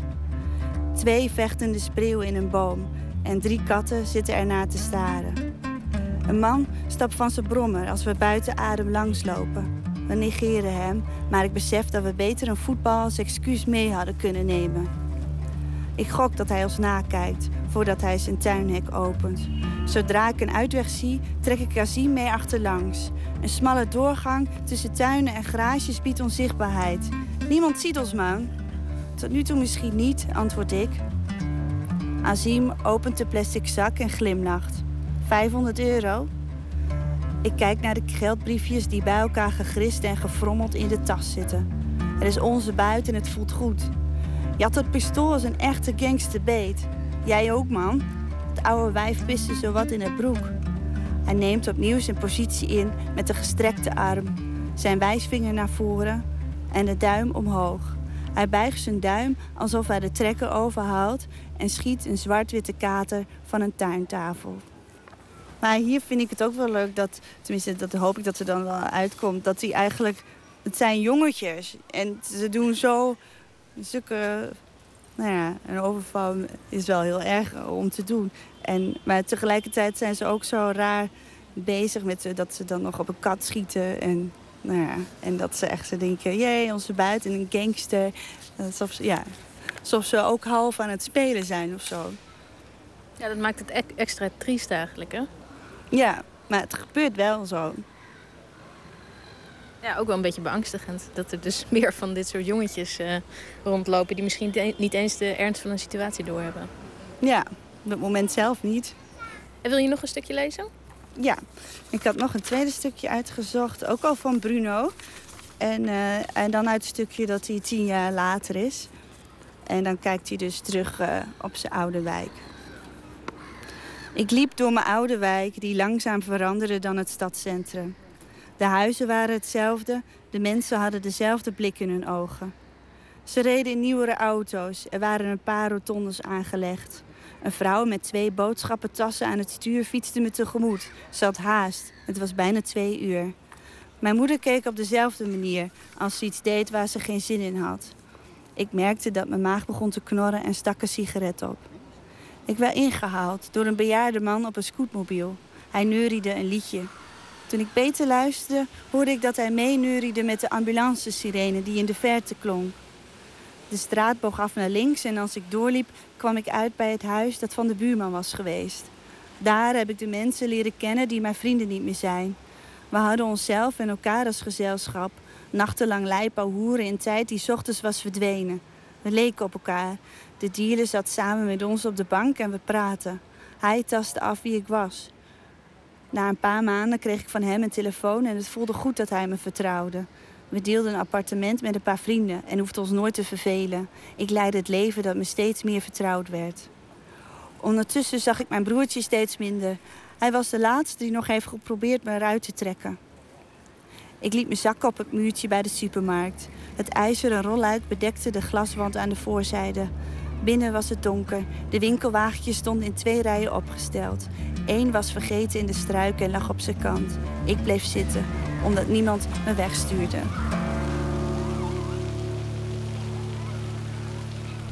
Tjitske Mussen in gesprek met uh, Fieke Gosselaar over haar debuutroman Tussen de Anderen. Binnenkort uh, verkrijgbaar in alle boekwinkels van Nederland en omstreken. Uit New York komt de band The National. Daar ging het laatst al over in dit programma in de rubriek Filmadvies van een van VPRO's smaakmakers. Want er is ook een documentaire gemaakt over die band. En het schijnt een geweldige documentaire te zijn. De titel daarvan is Mistaken for Strangers. En de band The National speelt op Lowlands. Wij draaien het liedje I Need My Girl.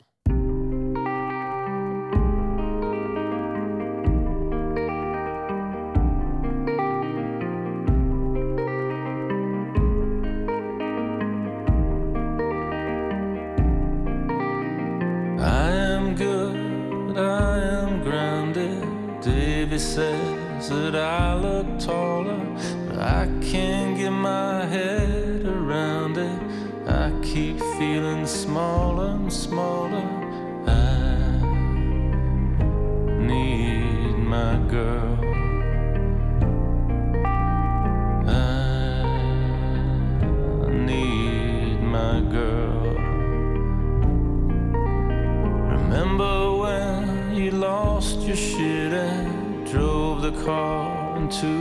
the garden. You got out and said, I'm sorry to the vines,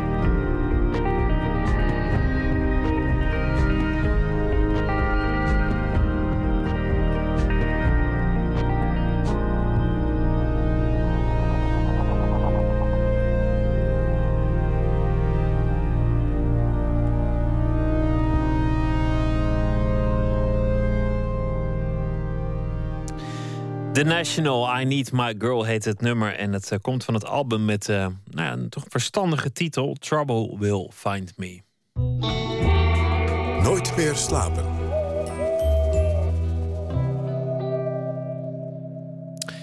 De zomer is voorbij, een mooie tijd om de zolder op te ruimen en al die oude troep weg te gooien. Maar gooi niet alles weg. Dat is een oproep van eh, musea die zich bezighouden met de Tweede Wereldoorlog en archieven en andere instellingen. Die hebben, die hebben een actie opgezet, niet weggooien. En eh, ze hopen dat mensen dagboeken, tekeningen, doekjes, blikjes, andere spullen en memorabilia niet verloren zullen laten gaan voor volgende generaties, maar willen schenken aan een van deze instanties. Museum Den Haag eh, richt zich specifiek op de Tweede Wereldoorlog in Zuidoost-Azië. En morgen, donderdag, dan hebben zij een vragen- en verzamelmiddag. Frits van Rijn is conservator al daar. Goeie nacht. Goedenacht. Hoe ziet dat eruit, zo'n eh, zo'n verzamelmiddag? Eh, ik zit samen met een collega aan een eh, tafel in de, de hal van het museum. En mensen komen daar met eh, spullen en die kunnen ze, daar kunnen ze vragen over stellen. Ze kunnen ze schenken eventueel. En het gaat natuurlijk om de voorwerpen, tekeningen, foto's. Dat zou helemaal mooi zijn. Over de periode van de Tweede Wereldoorlog in Zuidoost-Azië. Tenminste, dat is nu eigenlijk het kerndoel. Waar hopen jullie op? Eh, we hopen op hele mooie verhalen eigenlijk. Het, eh, het kan een prachtig voorwerp zijn, maar als daar heel weinig over te vertellen is... En dan kunnen we ook heel weinig aanschouwelijk maken over wat er allemaal gebeurd is in die periode. En eh, ja, het, het, vaak het is, het gaat om het, persoonlijke verhaal van hoe hebben die mensen dat beleefd... En dan heb je iets tastbaar erbij wat, wat het heel erg eh, aantoont. Er zijn echt wel hele, hele bijzondere voorwerpen wat dat betreft binnengekomen... Die, je- waarvan je in eerste instantie niet zou zien wat het, eh, wat het, voor, wat, wat het eigenlijk me, eh, teweeg brengt bij mensen. Noem eens een voorbeeld van, van zoiets wat dan wordt aangeboden of, of ingeleverd of getoond. Ja, ik heb eh, een aantal voorwerpen. Vrij eh, recent is bijvoorbeeld binnengekomen een, eh, een, een, een deken. En die deken, nou ja, ehm, daar was niet veel meer van heel. Dat was eh, helemaal versleten en eh, heel veel versteld. En eh, ja, dan krijg je een verhaal te horen over die deken. Want normaal gesproken zou ik die echt werkelijk bij mij in de vuilnisbak stoppen hoor. En dat blijkt dus, er waren twee vrienden, die waren in, naar de Burma Spoorweg, moesten dwangarbeid verrichten. Een van die vrienden die heeft waarschijnlijk malaria gekregen, want er stond, dat werd verteld dat hij het heel koud had vaak en heel erg ziek. En eh, zijn vriend die maakte van eh, waarschijnlijk overblijfselen van dekens van Japanners een deken aan elkaar genaaid. Die deken is meegegaan naar Nederland met de repatriëring. We gingen eh, in 1946 terug naar, naar Nederland. En eh, dat is gebruikt nog in de jaren 50 eh, op de camping en daarna op de achterbak van de auto. En daarna toch gerealiseerd wat voor, eh, wat voor belang dat is, zo'n deken. Je ziet er niet aan af, maar als je het verhaal hoort wat die meneer meegemaakt heeft in de Bu- Burma Spoorweg, dan, dan zegt het ook zeker wat. Dus eigenlijk jullie vragen om voorwerpen, maar jullie hopen op verhalen.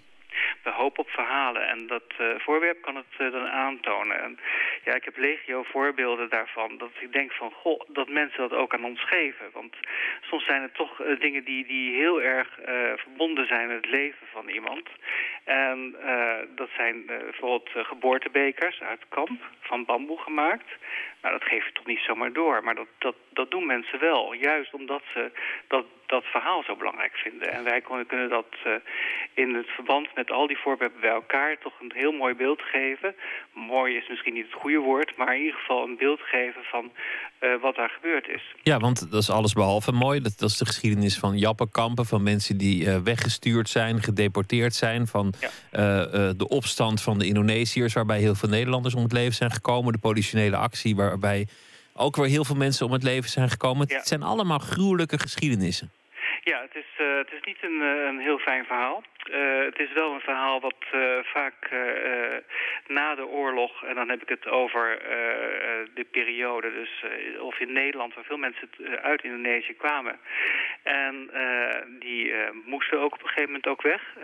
Bijvoorbeeld ook een deel van mijn familie die ook in de kamp heeft gezeten. Daar was ook geen employ meer, omdat mijn opa verbonden is, was aan het Koninklijk Nederlands-Indisch leger. En in 49, na de onafhankelijkheid, was dat leger toch niet echt meer gewenst.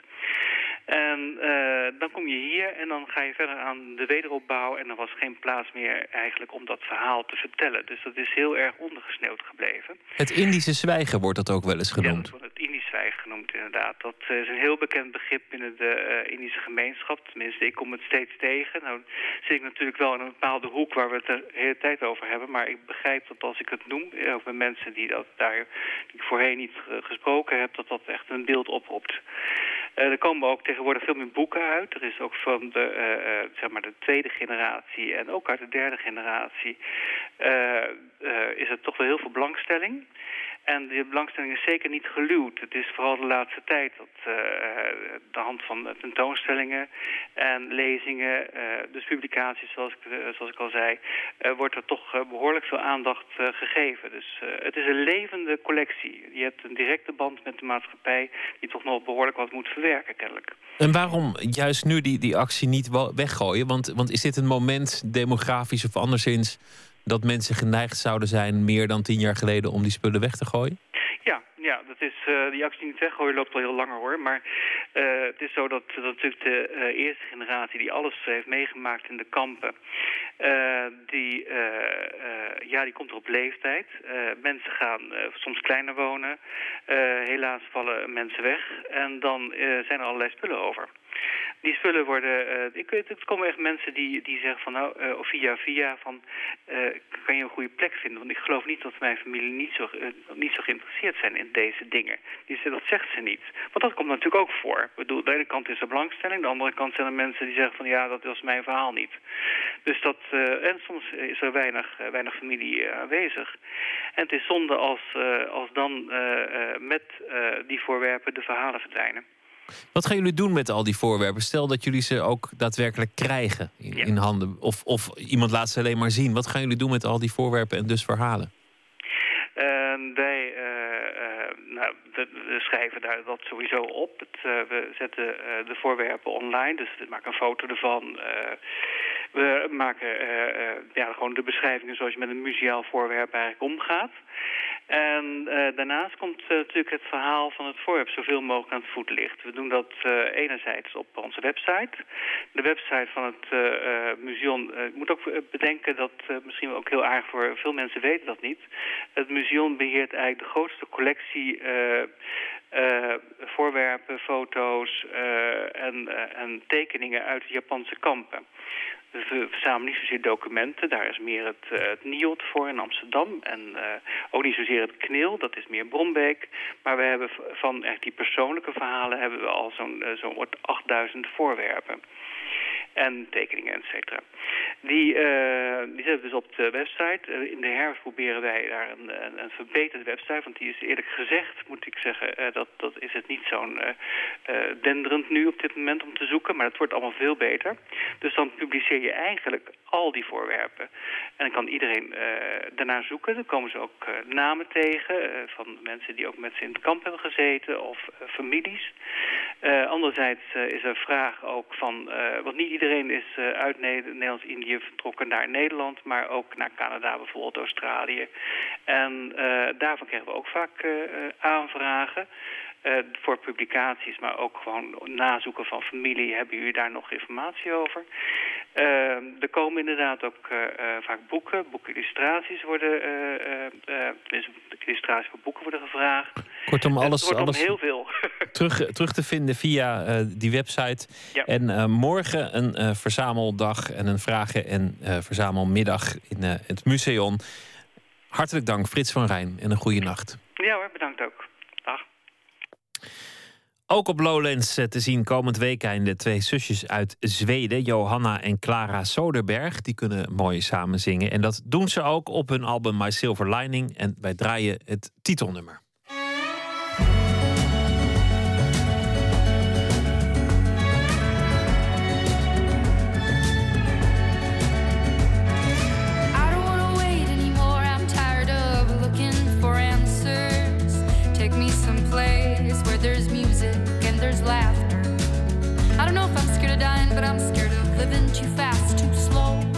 Regret, remorse, hold on. No, no, I gotta go. There's no starting over, no new beginnings. Time raises on. Just gotta keep on keeping on. Gotta keep on going, looking straight out on the road. Can't worry about what's behind you, what's coming for you further up the road. Try not to hold on to what is gone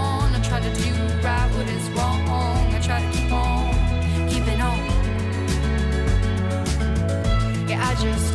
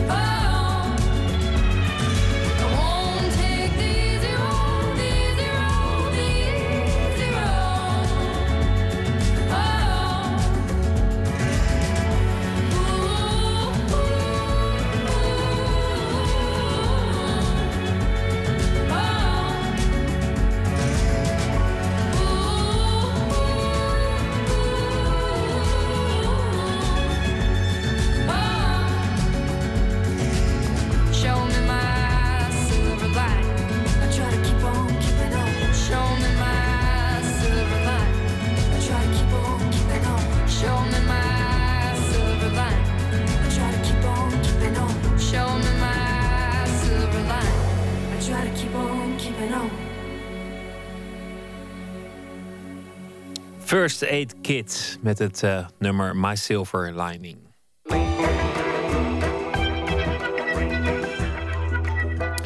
Deze maand herhalen wij verhalen uit de radioserie Plots. Het eh, thema was Kuifje in Afrika. Verhalen van Nederlanders op onmogelijke missies in Afrika. In 2008 reisde een kleine filmploeg naar het zuiden van Sudan om daar een documentaire te maken over de hulpverlening. Regisseur Jennifer Patterson reist vooruit. Geluidsman Martijn van Halen, cameraman Bert Heidsma, die volgen later. Tijdens de vlucht wordt het duidelijk dat het geen gemakkelijke onderneming gaat worden. Luister naar Mr. Longbody, een verhaal gemaakt door Jennifer Patterson. Wij waren er naartoe gevlogen in een soort olievat. Het was een klein vliegtuigje met twee Indiase piloten. Van een al compleet kapotgeschoten vliegveld in de hoofdstad. Er zaten twee piloten voor in die heel ongeconcentreerd waren. Ehm, steeds een beetje met elkaar zaten te kletsen. En ehm, het leek al of, ze, of een een kruiswoordraadsel aan het doen was. En het stonk onbedaarlijk naar brandstof. Ik weet nog dat Martijn en ik elkaar soms heel benauwd aankeken en dachten van... oh mijn god, wanneer gaat dit ding af? Het was, het was niet om uit te houden binnen. Ik dacht elke moment die gaat. En schudden en klapperen en, op een gegeven, en steeds in die rivierbeddingen landen. En op een gegeven moment landen die ergens. En dat moest het dan zijn. Deed de deur open, gooide onze apparatuur en koffertjes eruit. Maar echt duwde het door de deur naar buiten. En wij sprongen op een soort stoffig stuk woestijn. En gelijk was hij weer weg. En we zagen verder helemaal niemand op het vliegveldje. Het was alleen een soort golfplaten huisje waar een man zat te slapen. In de schaduw liep ik naartoe. En Bert Heidsma, de cameraman, bleef bij de koffers. En toen liep ik weer terug naar hem en zei voor de grap... We zijn één te vroeg uitgestapt. ik zie zijn ogen zo twee keer groter worden en hij zei... Dat meen je niet! Dat meen je niet! Bleef hij roepen de hele tijd. Die, die werd helemaal gek. Oh ja. ja, dat kan ik me inderdaad nog herinneren. Maar ik vond het wel, het was echt wel indrukwekkend, vond ik. Je had echt het gevoel dat je eh, als kuif in Afrika was. Dat was echt ver weg van alles.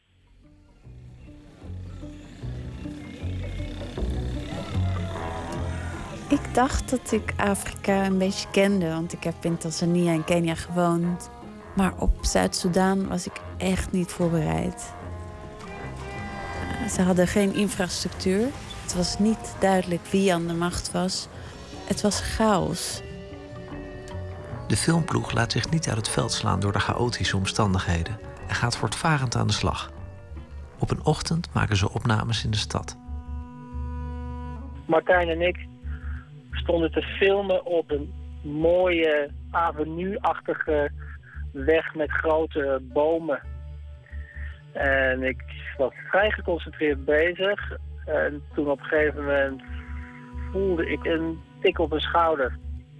En het irriteerde me, omdat ik eerst dacht dat het Martijn was, de geluidsman. En ik had zoiets, van, kom op, niet midden in het shot. Toen had ik zoiets van, oké, laat ik maar even geen aandacht aan schenken, gewoon mijn shot afmaken. En toen werd ik echt wat ruwer bij mijn schouder gepakt. Een man die nog wel een kop groter was dan ik. En ik ben al 1,90 bijna. En die eh, zei dat hij van de geheime dienst was. Hij stelt zich voor als Mr. Longbody. Hij was heel lang en dun. Een typisch eh, Dinka. Eh, ja, iemand van de Dinka-stam. Lange, dunne mannen eh, met een klein rond koppie. Ik moest een beetje denken aan een speld. En hij wees op zijn oor. En dan had hij, een, had hij ook zo'n zo'n touwtje uithangen, zoals mensen van de veiligheidsdienst dat hebben. En, maar dat was eh, eh, heel duidelijk gewoon zo'n eh, oortelefoontje van het allergoedkoopste radiootje. Het was duidelijk dat ze wilden dat we stopten met filmen.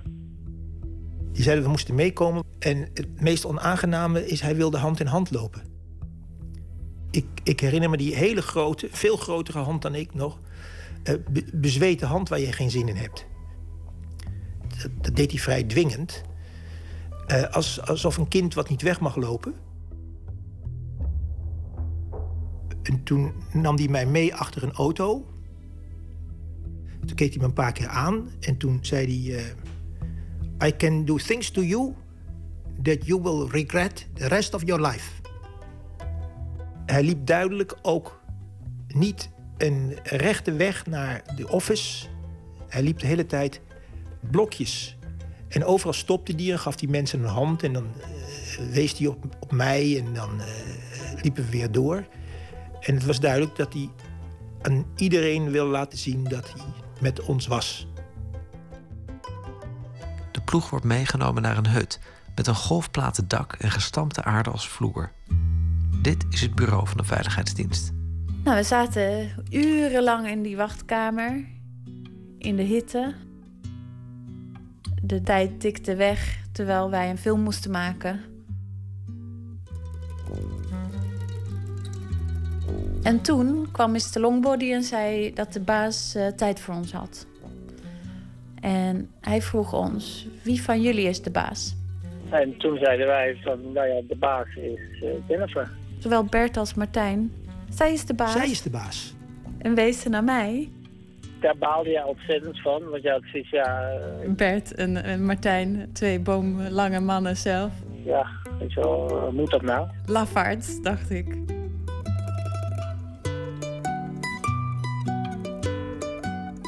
De mannen blijven in de wachtkamer. En regisseur Jennifer, midden 30, met sproeten en blond haar in een staartje, stapt binnen bij de baas. Ik dacht, oké, ik heb in Afrika gewoond. Misschien dat ik het een beetje aanvoel hoe je met ze moet omgaan. Dus eerst vertellen hoe hard ik heb geprobeerd om overal toestemming te krijgen. Om snap dat dat belangrijk is. Dus ik heb me verontschuldigd dat ik niet wist dat... Ja, zij waren natuurlijk zo geheim dat ik niet wist dat ze bestonden. Maar dat werkte dus niet. Die man die achter de tafel zat, de grote baas... hij keek me niet aan en hij weigerde mijn hand te schudden. De man zegt dat ze niet mogen filmen. Jennifer laat zien dat ze toestemming hebben van allerlei mensen, waaronder de plaatselijke burgemeester. Maar het maakt geen indruk. De burgemeester is een nobody, zegt de baas met een vies gezicht. Hij was waarschijnlijk heel erg boos dat we bij iedereen waren geweest, behalve bij hem. Dan ziet Jennifer de in beslag genomen apparatuur liggen in het kantoortje. dacht ik, oh, misschien. ehm, wat als we gewoon laten zien wat we hebben opgenomen, dan dat zou hun misschien eh, gerust kunnen stellen. Dus ik stelde voor dat we de beelden lieten zien die we die ochtend hadden geschoten. Gewoon prachtige beelden van een drukke, hobbelige weg. Maar dan kwam Mr. Longbody bij en dan zei hij: Aha, I see cars moving. Very suspicious. Hun referentiekader van de westerse wereld zijn Amerikaanse films. En als er dus een man, een witte man met een koptelefoon oploopt, dan is dat een spion of zo. En dan eh, zijn zij de tegenpartij. Dat verklaart ook hun bijna puberale, kinderlijke houding of, of gedrag. Die soms doet denken alsof ze meespelen in een B-film. Ze wilden denk ik graag dat we spionnen waren. Ja, ze wilden graag iets om de sleur mee te doorbreken. En wij waren een goed excuus. Dus het is als, als de kat die een muis vangt en die daarmee gaat spelen. Wij waren die muis. De Soedanezen zijn bereid om de filmploeg te laten gaan, maar alleen als ze de apparatuur achterlaten. Het drietal weigert. We gaan hier niet weg, nee, we blijven bij de apparatuur. Ja. Ik heb van begin af aan gedacht... Hè, wat een vervelende operette waar we nu in komen. En je weet wel dat je dat toneelstuk... althans de eerste en de tweede scène mee moet spelen. Aan het eind van de dag lijkt er een doorbraak te komen. Maar er is een catch. Ze mogen de apparatuur wel meenemen, maar niet gebruiken. Ze zeiden ook nog bij, en dat herinner ik me heel goed... van als jullie toch filmen, dan schieten we jullie in de voeten. En dat zei hij ook met een klein lachje erbij. Het is vrijdagavond als de filmploeg wordt vrijgelaten. Maandagochtend moeten ze weer terug naar het bureau met een lijst van wat ze allemaal willen filmen. In de hotelkamer gaan de filmmakers aan de slag. Die lijst had tien punten. Waterputten, velden. En, en je wordt steeds meliger natuurlijk. Dus je zet op zo'n lijst trees, bomen. Trees and fields, eh, cars, roads, bicycles, eh, waterputten, En het laatste punt was eh, More Trees and Fields. In werkelijkheid willen ze vooral hulpverleners filmen. Maar die kunnen ze niet in gevaar brengen door de geheime dienst op ze af te sturen. Het team hoopt dat de lijst onschuldig genoeg is om verder met rust gelaten te worden. Maandagochtend kwamen we met onze lijst. En toen eh, hebben ze ons longbody eh, gegeven. Hij moest met ons mee. Ik dacht, oh nee. Dan moesten we dat ook filmen wat op onze lijst stond. Longbody vond dat natuurlijk geweldig. Want hij mocht met de westerse filmcrew rondreizen. Mr. Longbody die wil gezien worden met ons. Als hij met ons in de auto zit, in zijn schoonste camouflagepak... dan gaat hij daarmee in de hiërarchie omhoog. Ik weet dat wij bij een waterput waren en we waren aan het filmen. En dan ging hij naar een kleine kiosk en kocht Fanta voor ons allemaal. En dan konden ook de mensen die daar omheen stonden... konden ook zien hoe hij met zijn geld Fanta voor de blanken kocht. Maar intussen blijft hij achterdochtig. En Longbody was helemaal gek, want iedere keer als die camera draaide... was hij bang dat we hem zouden filmen. En hij wilde de hele tijd keek hij mee over mijn schouders wat we dan filmden. En dan moest hij ook weten waarom. En dan, uh, why are you filming this? Om van Mr. Longbody af te komen, besluit de ploeg om op onmogelijke tijden te gaan draaien. Bijvoorbeeld 's ochtends om 5 uur. En als hij toch komt opdagen, blijven ze uren op locaties waar niets gebeurt. We draaiden regelmatig, eh, zoals het heet, met de houten camera. Dat er niet, dan werd er niet gefilmd. We moesten eigenlijk voor zorgen dat het zo saai mogelijk werd voor Mr. Longbody. In de auto geven ze hun begeleider een speciale plek. We hebben bijvoorbeeld gezorgd dat hij op de achterbank zat. Naast mij.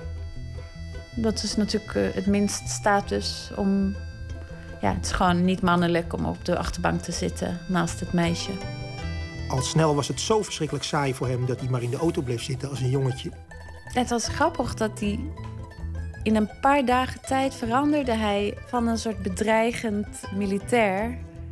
werd, werd het een gewone jongen. Op een gegeven moment kregen we toch gesprekjes met hem. Dus op een gegeven moment verwaterd die dreiging. En op een gegeven moment lachte hij zelfs om dingen die we deden. Dat kan ik me ook nog wel herinneren. Ik heb vroeger ook wel met, met moeilijk opvoedbare jongens gewerkt.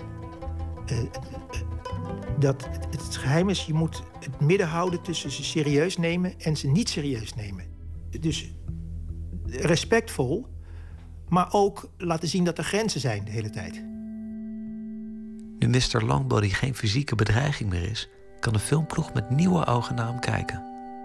We zaten in de auto samen met Mr. Longbody en dan keek hij uit het raam. En uit het raam zag je dan vaak um, kleine hutjes en mensen in hele vieze kleren. Of mensen op straat met jerrycans met water op hun hoofd. En toen keek hij naar het landschap, naar de mensen en hij zei: Nu snap ik, jullie willen laten zien aan jullie mensen daar thuis dat wij hier als apen leven. Enerzijds dacht ik, daar gaan we weer met zo'n enorme misverstand. Maar anderzijds had hij ook gelijk. Ik snapte ook dat hij niet verschut gezet wilde worden. En dan ziet hij ons, hun filmen, terwijl ze gewoon onder erbarmelijke omstandigheden leven. Dat willen wij vastleggen. En daardoor uh, creëren wij een beeld van hun. Iedereen wil toch uiteindelijk serieus genomen worden. Het gaat om waardigheid.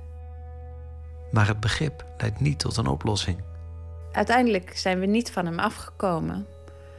Uh, de verhoudingen zijn misschien veranderd. En we waren een beetje half vriendjes geworden. Maar hij liet ons niet alleen.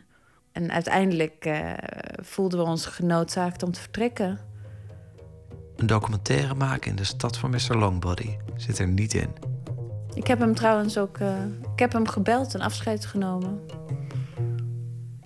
Maar ik heb niet verteld waar we naartoe gingen.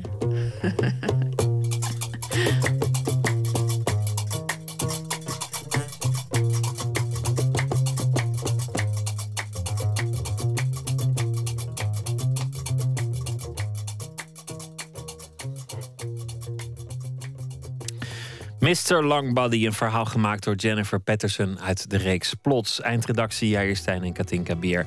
Meer politiek incorrecte verhalen over Nederlanders in Afrika via de website vpro.nl/slash plots. Morgen is Nooit meer slapen er weer, zelfde zender, zelfde tijd. Dan uh, zit uh, naast mij journalist Lex Runderkamp, die in verschillende Arabische landen als vliegende reporter rondreist voor de NOS. De droom van elke journalist noemt hij het zelf.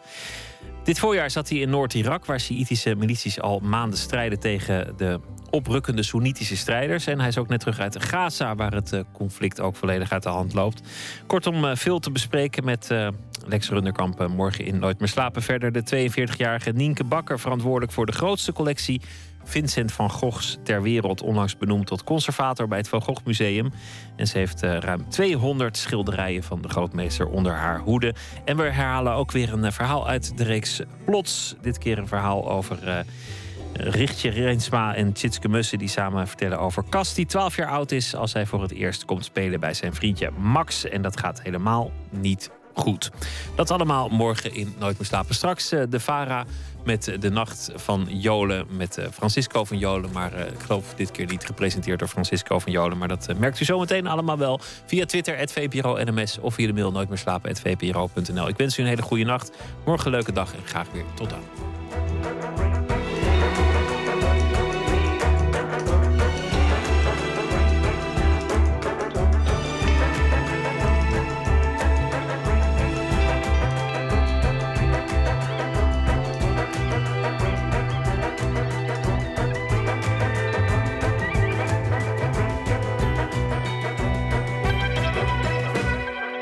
Radio 1, het nieuws van alle kanten.